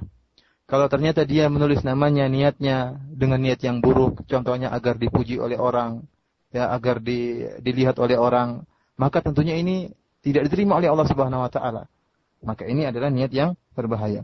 Akan tetapi kalau niatnya dengan niat yang baik bukan karena untuk dipuji, bukan karena untuk dilihat, untuk disebut-sebut, maka tidak mengapa. Asalnya tidak tidak mengapa. Allah Subhanahu wa taala berfirman, "In tubudu shadaqati fa ni'mahi wa in tukhfu" kata Allah Subhanahu wa taala, kalau seorang kalian e, bersedekah kemudian menampakkan e, sedekah tersebut, maka itu sudah baik. Tapi kalau disembunyikan, disembunyikan secara tersembunyi, maka itu lebih baik lagi. Karena para ulama menjelaskan bahwasanya bersodakoh dengan secara sembunyi-sembunyi itu lebih afdol daripada bersodakoh dengan secara terang-terangan. Oleh karena itu Rasulullah Shallallahu Alaihi Wasallam menyebutkan dalam hadis yang ma'ruf tentang tujuh golongan yang Allah Subhanahu Wa Taala akan menaungi mereka pada hari kiamat kelak yang tidak ada naungan kecuali naungan Allah Subhanahu Wa Taala. Di antaranya rajulun tasaddaqa biyaminihi fa akhfaha hatta la ta'lama. Yaitu seorang yang dia bersedekah dengan tangan kanannya Kemudian dia sembunyikan sodakohnya. Sampai-sampai tangan kirinya tidak mengetahui apa yang diinfakkan oleh tangan kanannya. Jadi berinfak dengan uh, sembunyi-sembunyi lebih afdol. Dan kalau berinfak dengan secara terang-terangan juga tidak mengapa. Asal tidak terbetik dalam niatnya untuk dipuji atau untuk disebut-sebut. Allah alam bisawab. Baik Ustaz, untuk selanjutnya masih dari penelpon ada waktu ya Ustaz ya. Kita angkat dari penelpon berikutnya ada Bapak Galih di Cibitung. Silakan. Halo. Waalaikumsalam warahmatullahi uh, Ustaz mau uh, apa yang menyebabkan atau mendasari para saudara kita ini melafazkan niat itu uh, ada yang menisbat ada yang menisbatkan hal itu ke Imam Syafi'i apakah itu benar terus bagaimana cara yang mudah menjelaskan kepada mereka Ya, afwan. Nah, Waalaikumsalam warahmatullahi wabarakatuh. Baik, bisa menyimak? Silakan. هذا الأخ السائل يذكر في في سؤاله فيما يتعلق بالنية أن بعض الإخوة ينقل في ذلك عن عن الإمام الشافعي رحمه الله تعالى. وحقيقة كما يعني بين أهل العلم الإمام الشافعي نفسه رحمه الله تعالى لا ينقل عنه آه، في لا ينقل عنه في ذلك شيء. يعني لا يحفظ عن الشافعي نفسه رحمه الله في ذلك شيء وإنما بعض آه، أصحاب الشافعي خرجوا آه، تخريجا على بعض أقوال الشافعي أن أنه اشترط النية في في في الصلاة. ويقول الإمام ابن رجب رحمه الله تعالى في كتابه جامع العلوم والحكم يقول وخرج بعض أصحاب الشافعي له قولا باشتراط التلفظ بالنية للصلاة. وغلط المحققون منهم يعني غلطوا ذلك. لكن الكلام هل هناك دليل؟ هل هناك دليل؟ هل هناك دليل في السنة أن النبي صلى الله عليه وسلم كان يقول هذا الذي يقوله الناس الآن أو يقوله بعض الناس الآن؟ هل كان الصحابة رضي الله عنهم أبو بكر وعمر وغيرهم من أصحاب النبي صلى الله عليه وسلم والتابعون لهم بإحسان هل كان أحد آه، منهم آه، يفعل ذلك. ولهذا قال ابن رجب ولا نعلم في هذه المسألة نقلا خاصا عن السلف ولا عن الأئمة. لا لا يوجد. ولا يوجد أيضا نقل في, في, في الأدلة من الكتاب والسنة لا يوجد شيء من, من ذلك يدل على آه، اشتراط التلفظ بالنية. والنية مكانها القلب بينك وبين Subhanahu wa taala. Jadi Syekh menjelaskan bahwasanya tidak ada nas dari perkataan Imam Syafi'i yang menunjukkan bahwasanya beliau mensyaratkan niat dilafalkan tatkala sedang sholat. Sebagaimana beliau nukil dari perkataan Al-Hafidh Alim Ibn Rajab Al-Hambali, ya, beliau dalam kitabnya Jamil Ulum Wal Hikam menjelaskan bahwasanya itu adalah kesalahpahaman dari sebagian ulama Syafi'iyah, salah paham tentang perkataan Imam Syafi'i. Mereka menyangka bahwasanya Imam Syafi'i menyaratkan uh, talafuz bin niyat tatkala sedang sholat. Oleh karena itu, para muhakkikun, ahli tahqiq, ya, pada peneliti yang dari kalangan ulama Syafi'iyah juga menyalahkan mereka yang salah paham tadi.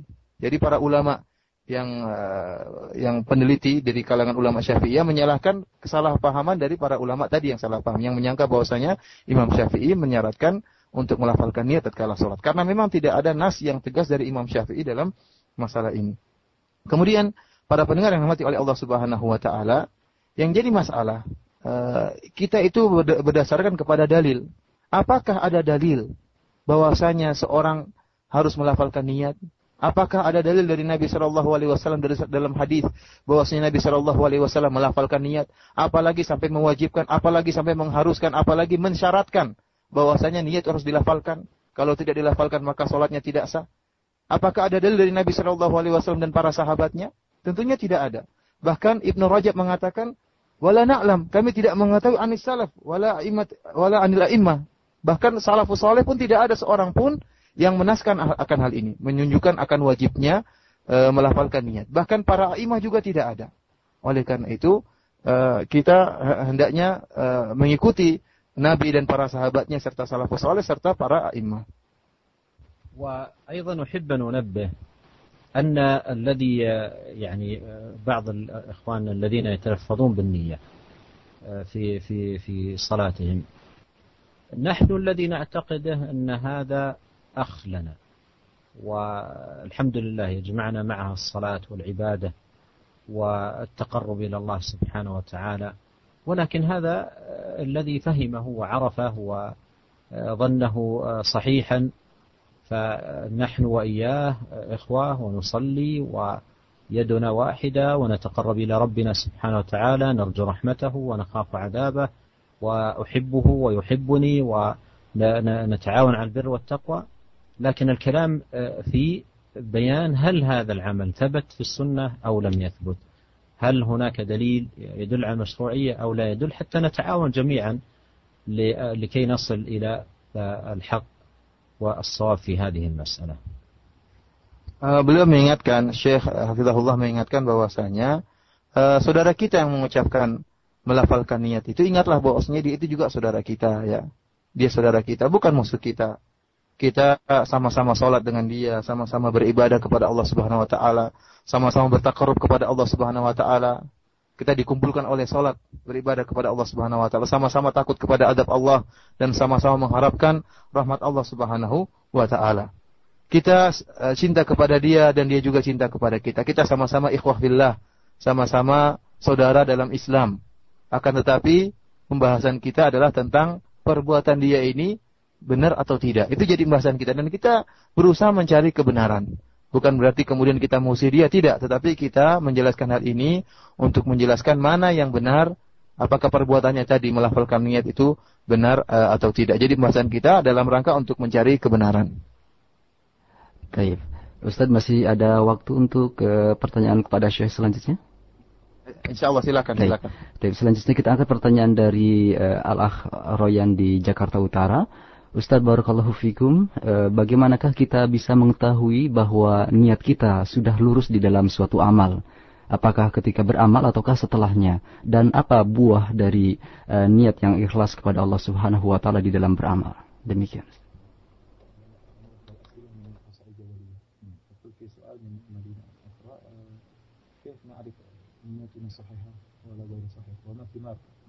إذا كانت صحيحة ما في هذا السؤال جميل جدا ويدل على خير ورغبة صادقة وأسأل الله أن يبارك في هذا السائل وفي الجميع.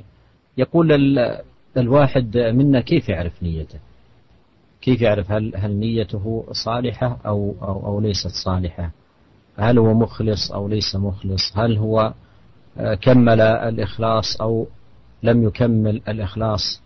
والجواب على ذلك أن الإمام الأوزاعي رحمه الله يقول ما عالجت شيئا أشد علي من نيتي. النية تحتاج إلى مجاهدة تامة. لا لا تقل أخي المسلم في أي يوم من الأيام أنا نيتي كاملة وإخلاصي تام وأنا إيماني كامل. لا تقل ذلك. أنت لا تزال مقصر ولا تزال في في في في ضعف. لكن اجتهد في إصلاح عملك وإصلاح نيتك وإصلاح عبادتك وإصلاح قصدك مع الله سبحانه وتعالى في العمل. اجتهد في ذلك وأيضا آه، في الوقت نفسه لا تزكي نفسك ولا تزكي عملك ولا تزكي نيتك.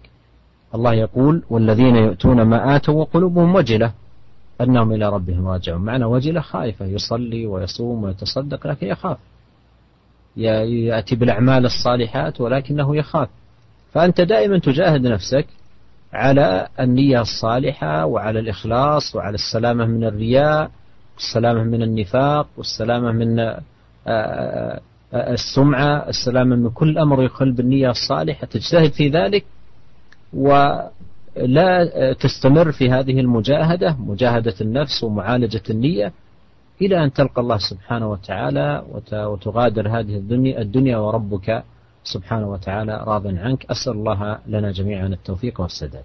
Uh, kemudian Syekh menjelaskan bahwasanya soal ini adalah soal yang sangat bagus yang menunjukkan bahwasanya penanyanya benar-benar berusaha untuk mendapatkan kebaikan dan untuk memperoleh keikhlasan. Syekh mengatakan bahwasanya uh, memang masalah ikhlas masalah yang berat. Beliau menukilkan perkataan Imam Al-Auza'i, beliau mengatakan ma alajtu syai'an asyadda 'ala niyyati. Aku tidak pernah ya menghadapi sesuatu yang lebih berat daripada niatku. Menunjukkan bagaimana beratnya seorang untuk memperoleh keikhlasan. Oleh karena itu, janganlah sampai kita satu suatu waktu mengucapkan saya sudah ikhlas. Kita tidak tahu apakah kita ikhlas atau tidak. Yang tahu hanyalah Allah Subhanahu wa taala. Yang wajib bagi kita adalah berusaha dan bersungguh-sungguh untuk terus ikhlas. Setiap waktu berusaha untuk memperbaiki niat kita. Namun namun jangan sampai kemudian kita mentazkiyah diri kita, memuji diri kita, menganggap diri kita telah ikhlas, menganggap iman kita telah sempurna. Maka jangan sama sekali kita melakukan demikian. Yang wajib bagi kita kita terus beramal dan berusaha untuk perbaiki niat kita. Allah Subhanahu wa taala menceritakan tentang orang-orang yang bertakwa, walladzina yu'tuna ma atau wa qulubuhum wajilatun annahum ila. Kata Allah Subhanahu wa taala dan orang-orang yang mereka telah bersedekah, beramal soleh, telah memberikan apa yang mereka berikan. Wa qulubuhum wajilah, namun hati mereka dalam keadaan takut. Takut kepada Allah Subhanahu wa taala. Itulah sifat orang-orang mukmin. Sudah beramal soleh, namun masih khawatir, takut kepada Allah Subhanahu wa taala. Oleh karena itu orang yang berusaha untuk ikhlas, dia benar-benar tahu bahwasanya memang untuk ikhlas itu perkara yang berat. Maka wajib bagi dia untuk berusaha menghilangkan segala penyakit yang bisa menodai ikhlas. Berusaha untuk menyelamatkan dirinya daripada kemunafikan menyelamatkan dirinya daripada sum'ah, ingin didengar, disebut-sebut, daripada ria, ingin dipuji, ingin dilihat oleh orang lain. Senantiasa berusaha memperhatikan hatinya, senantiasa berusaha untuk membersihkan dan memperbaiki hatinya dan terus dia lakukan demikian sampai dia bertemu dengan Robnya, bertemu dengan Allah Subhanahu Wa Taala, sampai dia meninggalkan dunia yang fana ini. Itulah nasihat dari uh, Syekh ya. Kalau ada pertanyaan uh, berikutnya dipersilahkan ya. Baik Ustaz, masih uh, dari pertanyaan pesan singkat ada Bapak Sofyan di Jakarta Barat. Mengapa di dalam teks hadis ini terdapat pernyataan atau uh, uh, nas untuk Allah dan Rasulnya? Menjadi pertanyaan, kenapa tidak hanya untuk Allah saja? Mohon penjelasannya.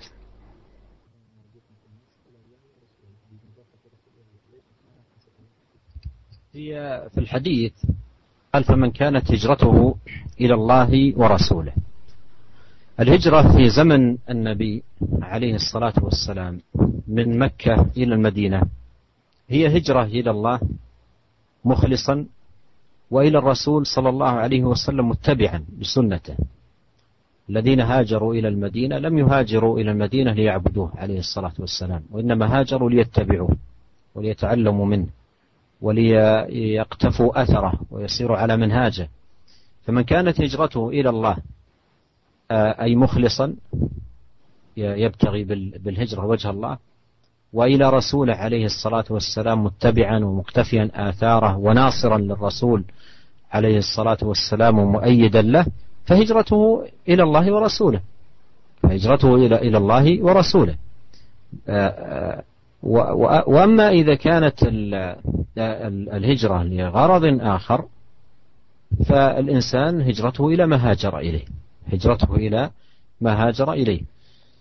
وبعد وفاة النبي صلى الله عليه وسلم الهجرة إليه بالهجرة إلى سنته. الهجرة إلى سنته. نترك الخرافات والأمور التي ما أنزل الله بها من سلطان ونأخذ بالسنة نأخذ بهديه نأخذ بطريقته نبحث عن هذه هجرة. هجرة هجرة الباطل إلى الحق. هجرة الخرافة والأهواء إلى السنة. فهذه الهجرة هي الهجرة التي آه، يكون آه، للعبد الثواب العظيم عليها والأجر الجزيل من الله سبحانه وتعالى. Uh, Syekh Hafizahullah menjelaskan bahwasanya al-hijrah di zaman Nabi Shallallahu alaihi wasallam ya, disebutkan kepada Allah ilallahi wa rasulihi maksudnya apa? Maksudnya hijrah kepada Allah artinya ikhlas. Hijrah tersebut dilaksanakan karena Allah Subhanahu wa taala. Dan wa rasulihi maksudnya hijrah tersebut dalam rangka untuk mencontohi Nabi Shallallahu alaihi wasallam, dalam rangka untuk menolong Nabi Shallallahu alaihi wasallam dalam rangka untuk mengikuti sunnah-sunnah Nabi Shallallahu Alaihi Wasallam. Tentunya para sahabat yang berhijrah dari kota Makkah menuju kota Madinah bukan dalam rangka untuk menyembah Nabi Shallallahu Alaihi Wasallam, bukan untuk beribadah kepada Nabi Shallallahu Alaihi Wasallam, akan tetapi untuk menolong Nabi, untuk memperkuat Nabi Shallallahu Alaihi Wasallam dan untuk mengikuti sunnah-sunnah Rasulullah Shallallahu Alaihi Wasallam. Oleh karena itu disebutkan dalam hadis ini eh, mangkanat hijratuhu ilallahi wa rasulih untuk mengingatkan bahwasanya hijrah di zaman dahulu tadi di zaman Nabi Shallallahu Alaihi Wasallam dalam rangka untuk mencontohi Nabi. Kemudian saya menjelaskan bahwasanya setelah wafatnya Nabi Shallallahu Alaihi Wasallam, bagaimana kita bisa berhijrah ila Rasulihi? Bagaimana caranya setelah wafat Nabi? Yaitu dengan e, menjalankan sunnah-sunnah Nabi Shallallahu Alaihi Wasallam dan meninggalkan apa-apa yang menyelisih sunnah Nabi, meninggalkan khurafat, ya, meninggalkan hal-hal yang batil yang tidak ada dalilnya dari Al-Quran maupun Sunnah. Kemudian kita menuju kepada sunnah-sunnah Nabi Shallallahu Alaihi Wasallam. Itulah hijrah Eh, kepada Rasulullah sallallahu alaihi wasallam setelah wafat beliau sallallahu alaihi wasallam. والله جل وعلا يقول لتؤمنوا بالله ورسوله وتعزروه وتوقروه وتسبحوه بكرة وأصيلا. لنتنبه الآن قال لتؤمنوا بالله ورسوله إيمان بالله وبرسوله. الإيمان بالله ربا خالقا رازقا معبودا بحق لا معبود بحق سواه. والإيمان بالرسول عليه الصلاة والسلام عبدا لله ورسولا ونبيا ومبلغا وهاديا وناصحا نصدق أخباره ونقتفي آثاره عليه الصلاة والسلام ونطيع أوامره وننتهي عن نواهيه. قال لتؤمنوا بالله ورسوله وتعزروه وتوقروه. تعزروا أي الرسول وتوقروه أي الرسول. تعزيره أي نصرته وتوقيره أي احترامه عليه الصلاة والسلام. وتسبح التسبيح لله ليس للرسول عليه الصلاة والسلام وتسبح أي تسبح الله سبحانه وتعالى بكرة وأصيلا نعم Semisal hal ini dalam Al-Quran ada. Allah subhanahu wa ta'ala berfirman, لِتُؤْمِنُوا بِاللَّهِ وَرَسُولِهِ وَتُعَزِّرُوهُ وَتُوَقِّرُوهُ وَتُسَبِّحُوهُ بُكْرَةً وَأَسِيلًا Allah menggandengkan antara Allah dan Rasulnya. Allah mengatakan, لِتُؤْمِنُوا بِاللَّهِ وَرَسُولِهِ Agar kalian beriman kepada Allah dan Rasulnya.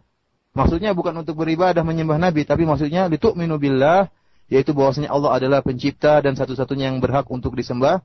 Dan kemudian litu'minu minubi rasulihi, maksudnya apa? Untuk beriman kepada Nabi, bahwasanya Nabi itu adalah hamba Allah, bukan pencipta dan dia adalah Rasul Allah yang kita harus utusan Allah yang harus kita benarkan perkataannya dan kita menjalankan awamirah, menjalankan perintahnya, kemudian kita meninggalkan larangan-larangannya. Itu maksud kita beriman kepada Nabi Shallallahu alaihi wasallam. Oleh karena itu Allah Subhanahu wa taala melanjutkan firman-Nya, "Litu'minu billahi wa rasulihi wa tu'azziruhu wa tuwaqqiruhu." agar kalian beriman kepada Allah dan Rasulnya wa tu'azziruhu yaitu kalian menolongnya maksudnya menolong Nabi sallallahu alaihi wasallam wa tuwaqqiruhu yaitu kalian mengagungkan Nabi sallallahu alaihi wasallam kemudian kata Allah wa tusabbihuhu yaitu kalian bertasbih kepada Allah Subhanahu wa taala. Jadi uh, maksud dari iman kepada uh, Nabi digandingkan antara Allah dengan Nabi bukan untuk menyembah Nabi tapi untuk membenarkan Nabi sebagai seorang rasul dan menjalankan perintahnya dan menjauhi larangannya. Silakan kalau masih ada. Baik, selanjutnya kita angkat pertanyaan dari uh, saudara Abbas di Bojong Bogor.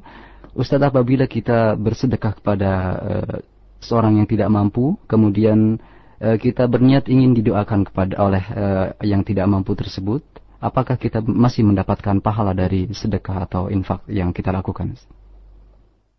هذا يقول إذا تصدقت على شخص بنية أن يدعو لي الأصل في النية عندما تتصدق الأصل فيها أن تنوي بها التقرب إلى الله سبحانه وتعالى وتأتي بقية الأمور تبع لذلك إنما نطعمكم لوجه الله لا نريد منكم جزاء ولا شكورا لا تعطيه من أجل أن يمدحك ولا تعطيه من أجل أن يثني عليه. وإذا أعطيته آه، تريد بذلك ثواب الله عز وجل وأجره هو سيدعو لك سيدعو لك وأيضا سيذكرك بالخير. وتحصل أمور آه، لكن بينك وبين الله تريد بذلك العمل التقرب إلى الله سبحانه وتعالى. وطلب أجره وثوابه جل وعلا Uh, beliau mengingatkan bahwasanya asalnya tatkala kita bersedekah itu karena mengharapkan ridha Allah Subhanahu wa taala, mengharapkan wajah Allah Subhanahu wa taala. Sebagaimana firman Allah Subhanahu wa taala menjelaskan tentang orang-orang yang beriman, "Innama nut'imukum liwajhillah, la nuridu minkum jazaa'a wala syukura." Sungguhnya kami ini uh, memberi makan kepada kalian karena apa? Karena mengharapkan wajah Allah, bukan mengharapkan e, balasan atau rasa terima kasih dari kalian. Jadi asalnya kita bersedekah itu karena Allah Subhanahu wa taala. Adapun masalah dia mendoakan kita, menyebutkan kita kebaikan itu pasti akan ada ya. Itu ngikut ya. Itu ngikut ngikut secara otomatis orang yang kita kasih sedekah kepada dia, dia akan mendoakan kita dan dia akan e, menyebut kebaikan kepada kita. Namun tidak boleh kita berniat agar dia memuji kita. Tapi itu akan Allah berikan. Intinya antara kita dengan Allah masalah itu kembali antara kita dengan Allah. Kita bersedekah niatnya karena Allah Subhanahu wa taala. Adapun yang tadi itu akan ikut dengan secara sendirinya. Baik Ustaz, uh, ini tampaknya pertanyaan terakhir ya Ustaz. Ada Bapak Eko di Bekasi. Bagaimana Ustaz menyempurnakan amalan yang telah lalu yang kita tidak uh, mengilmui tentang masalah niat ini dan kita dia merasa dulu riak gitu. Uh, uh, mungkin juga begitu kemudian juga melafatkan niatnya. Ya, ya. Nah, silakan.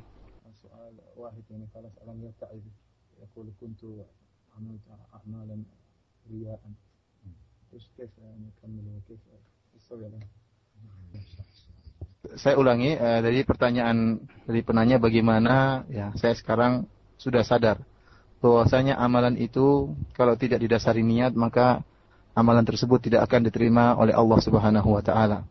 Tapi sudah terlanjur saya dahulu telah banyak mengamalkan amalan-amalan dan saya rasa amalan-amalan saya tersebut tidak ikhlas karena Allah Subhanahu wa taala, karena ria. Sekarang apa yang mesti saya lakukan? Sementara amal saya sudah banyak yang saya lakukan karena ria. Kita dengar jawaban dari Syekh dan nasihat beliau.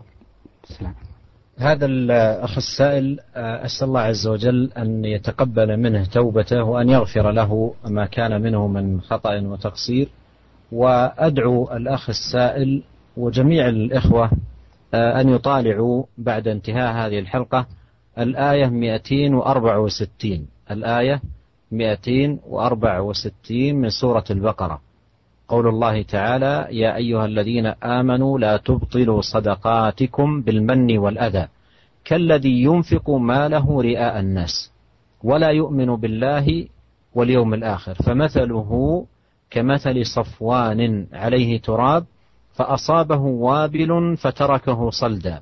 لا يقدرون على شيء مما كسبوا والله لا يهدي القوم الكافرين. هذا مثل ضربه الله سبحانه وتعالى في القرآن الكريم للذي ينفق ماله رئاء الناس. مثل للذي ينفق ماله رئاء الناس يعني يقصد بالنفقة المراءة فما مثله؟ مثله كمثل صفوان والصفوان هو الحجر الأملس. الصفوان هو الحجر الأملس. عليه تراب. عليه تراب. أنت إذا رأيت حجرا أملسا وعليه تراب ربما تظن أنه لو نزل عليه المطر ينبت ينبت النبات. لكن الحقيقة أن الحجر الأملس الذي عليه تراب إذا نزل عليه المطر غسل التراب الذي عليه. فهذا هذا مثل يوضح أن نفقة المرائي وإن كانت في ظاهرها عند الناس جميلة ومثمرة وتنبت وإلى آخره هي في الحقيقة مثل الصفوان الذي عليه تراب. إذا نزل عليه المطر الناس قد يظنون أنه سينبت لكن إذا جاء المطر غسله. ولهذا المرائي يوم القيامة ما يجد شيئا على ثواب عمله. فالواجب على الإنسان أن يتدارك نفسه ولا يقصد بعمله مراءة الناس. وماذا ينفعونك الناس؟ الذي ينفعك التقرب إلى الله سبحانه وتعالى والبركة التي تكون لك في الدنيا والآخرة تنالها بقصد العمل. وأختم بفائدة. وهي أنه لن يدخل معك في قبرك عملا صالحا لك إلا ما نويت به وجه الله وما سوى ذلك لا يدخل معك في قبرك عملا صالحا يثيبك الله عليه وإن كثر العمل Uh, Syekh uh, mengingatkan uh, dan ini pertanyaan yang sangat bagus sekali dari uh, penanya ya Syekh mengharapkan semoga Allah Subhanahu wa taala uh, menerima tobatnya dan beliau mengingatkan kepada para pendengar sekalian seluruhnya setelah mendengarkan kajian ini agar kembali kepada surat Al-Baqarah dalam uh, ayat 162 di mana Allah Subhanahu wa taala berfirman ya ayyuhalladzina amanu la tubtilu sadaqatikum bil manni wal adha kalladzi yunfiqu malahu ria'an nas Allah menyebutkan bahwasanya wahai orang-orang beriman, janganlah kalian membatalkan uh, sedekah-sedekah kalian ya. Allah menyebutkan sebagaimana orang-orang yang berinfak dengan riya. Famathaluhu kamathali safwanin alaihi turab. Permisalannya seperti orang yang berinfak ria itu karena ingin dipuji, permisalannya seperti ada sebuah batu yang amlas yaitu batu yang licin, kemudian di atasnya ada tanah. Kalau kita lihat ada batu yang di atasnya ada tanah, batu tadi tertutup, kemudian ada tanah di atasnya. Nah, kita rasa, kita sangka kalau ada turun hujan mengenai tanah tersebut, bisa jadi akan menumbuhkan tumbuhan-tumbuhan. Saya mengingatkan demikianlah orang yang berbuat amalan karena ria. Seperti tadi, orang di zahirnya mungkin dilihat oleh orang, amalannya ini masya Allah, amalannya bagus, akan menghasilkan apa banyak hal. Ya. Kenapa? Seperti tanah, ya, yang tanah yang subur. Namun ternyata pada hakikatnya di sisi Allah amalan tersebut tidak ada nilainya sama sekali. Kenapa? Ternyata tanah tersebut berada di atas batu yang licin. Yang begitu ada uh, hujan sedikit saja maka tanah tadi semua akan uh, jatuh semuanya dan tidak akan menumbuhkan sedikit pun. Itulah orang amalan yang beramal karena ria. Mungkin saja dia menyangka amalannya hebat. Mungkin juga di hadapan orang-orang banyak amalannya hebat. Ya. Seperti tadi tanah yang akan menumbuhkan. Namun kenyataannya di sisi Allah Subhanahu wa taala tidak akan diterima oleh Allah Subhanahu wa taala sama sekali. Kemudian uh, Syekh uh, mengingatkan mengatakan kepada menjelaskan kepada ikhwas sekalian para pendengar sekalian yang terakhir bahwasanya ingatlah kita semua akan masuk dalam liang kubur. Dan ingatlah bahwasanya setiap kita yang masuk dalam liang kubur tidak akan kita bawa amal apa pun kecuali yang ikhlas. Ingat, kita kalau masuk liang kubur Tidak ada amal yang kita, akan kita bawa untuk bertemu dengan Allah Subhanahu wa taala kecuali amal yang ikhlas. Seluruh amal yang telah kita lakukan, kalau tidak ikhlas akan kita tinggalkan. Yang kita bawa hanyalah amalan yang ikhlas yang kita bawa untuk berhadapan dengan Allah Subhanahu wa taala. Oleh karena itu nasihat dari beliau, hendaknya kita berusaha untuk ikhlas kepada Allah Subhanahu wa taala dalam setiap amalan kita. Saya ulangi lagi, ingatlah uh, untuk semuanya kembali kepada surat Al-Baqarah, surat yang kedua, ayat nomor 162. Nah, Taib, uh, ikhwatal Islam para pendengar Radio Roja, pertanyaan Bapak Eko tadi mengakhiri perjumpaan kita. Jazakallah khairan ya Syekh ala hadhihi al-muhadarah an-nafi'ah at-tayyibah.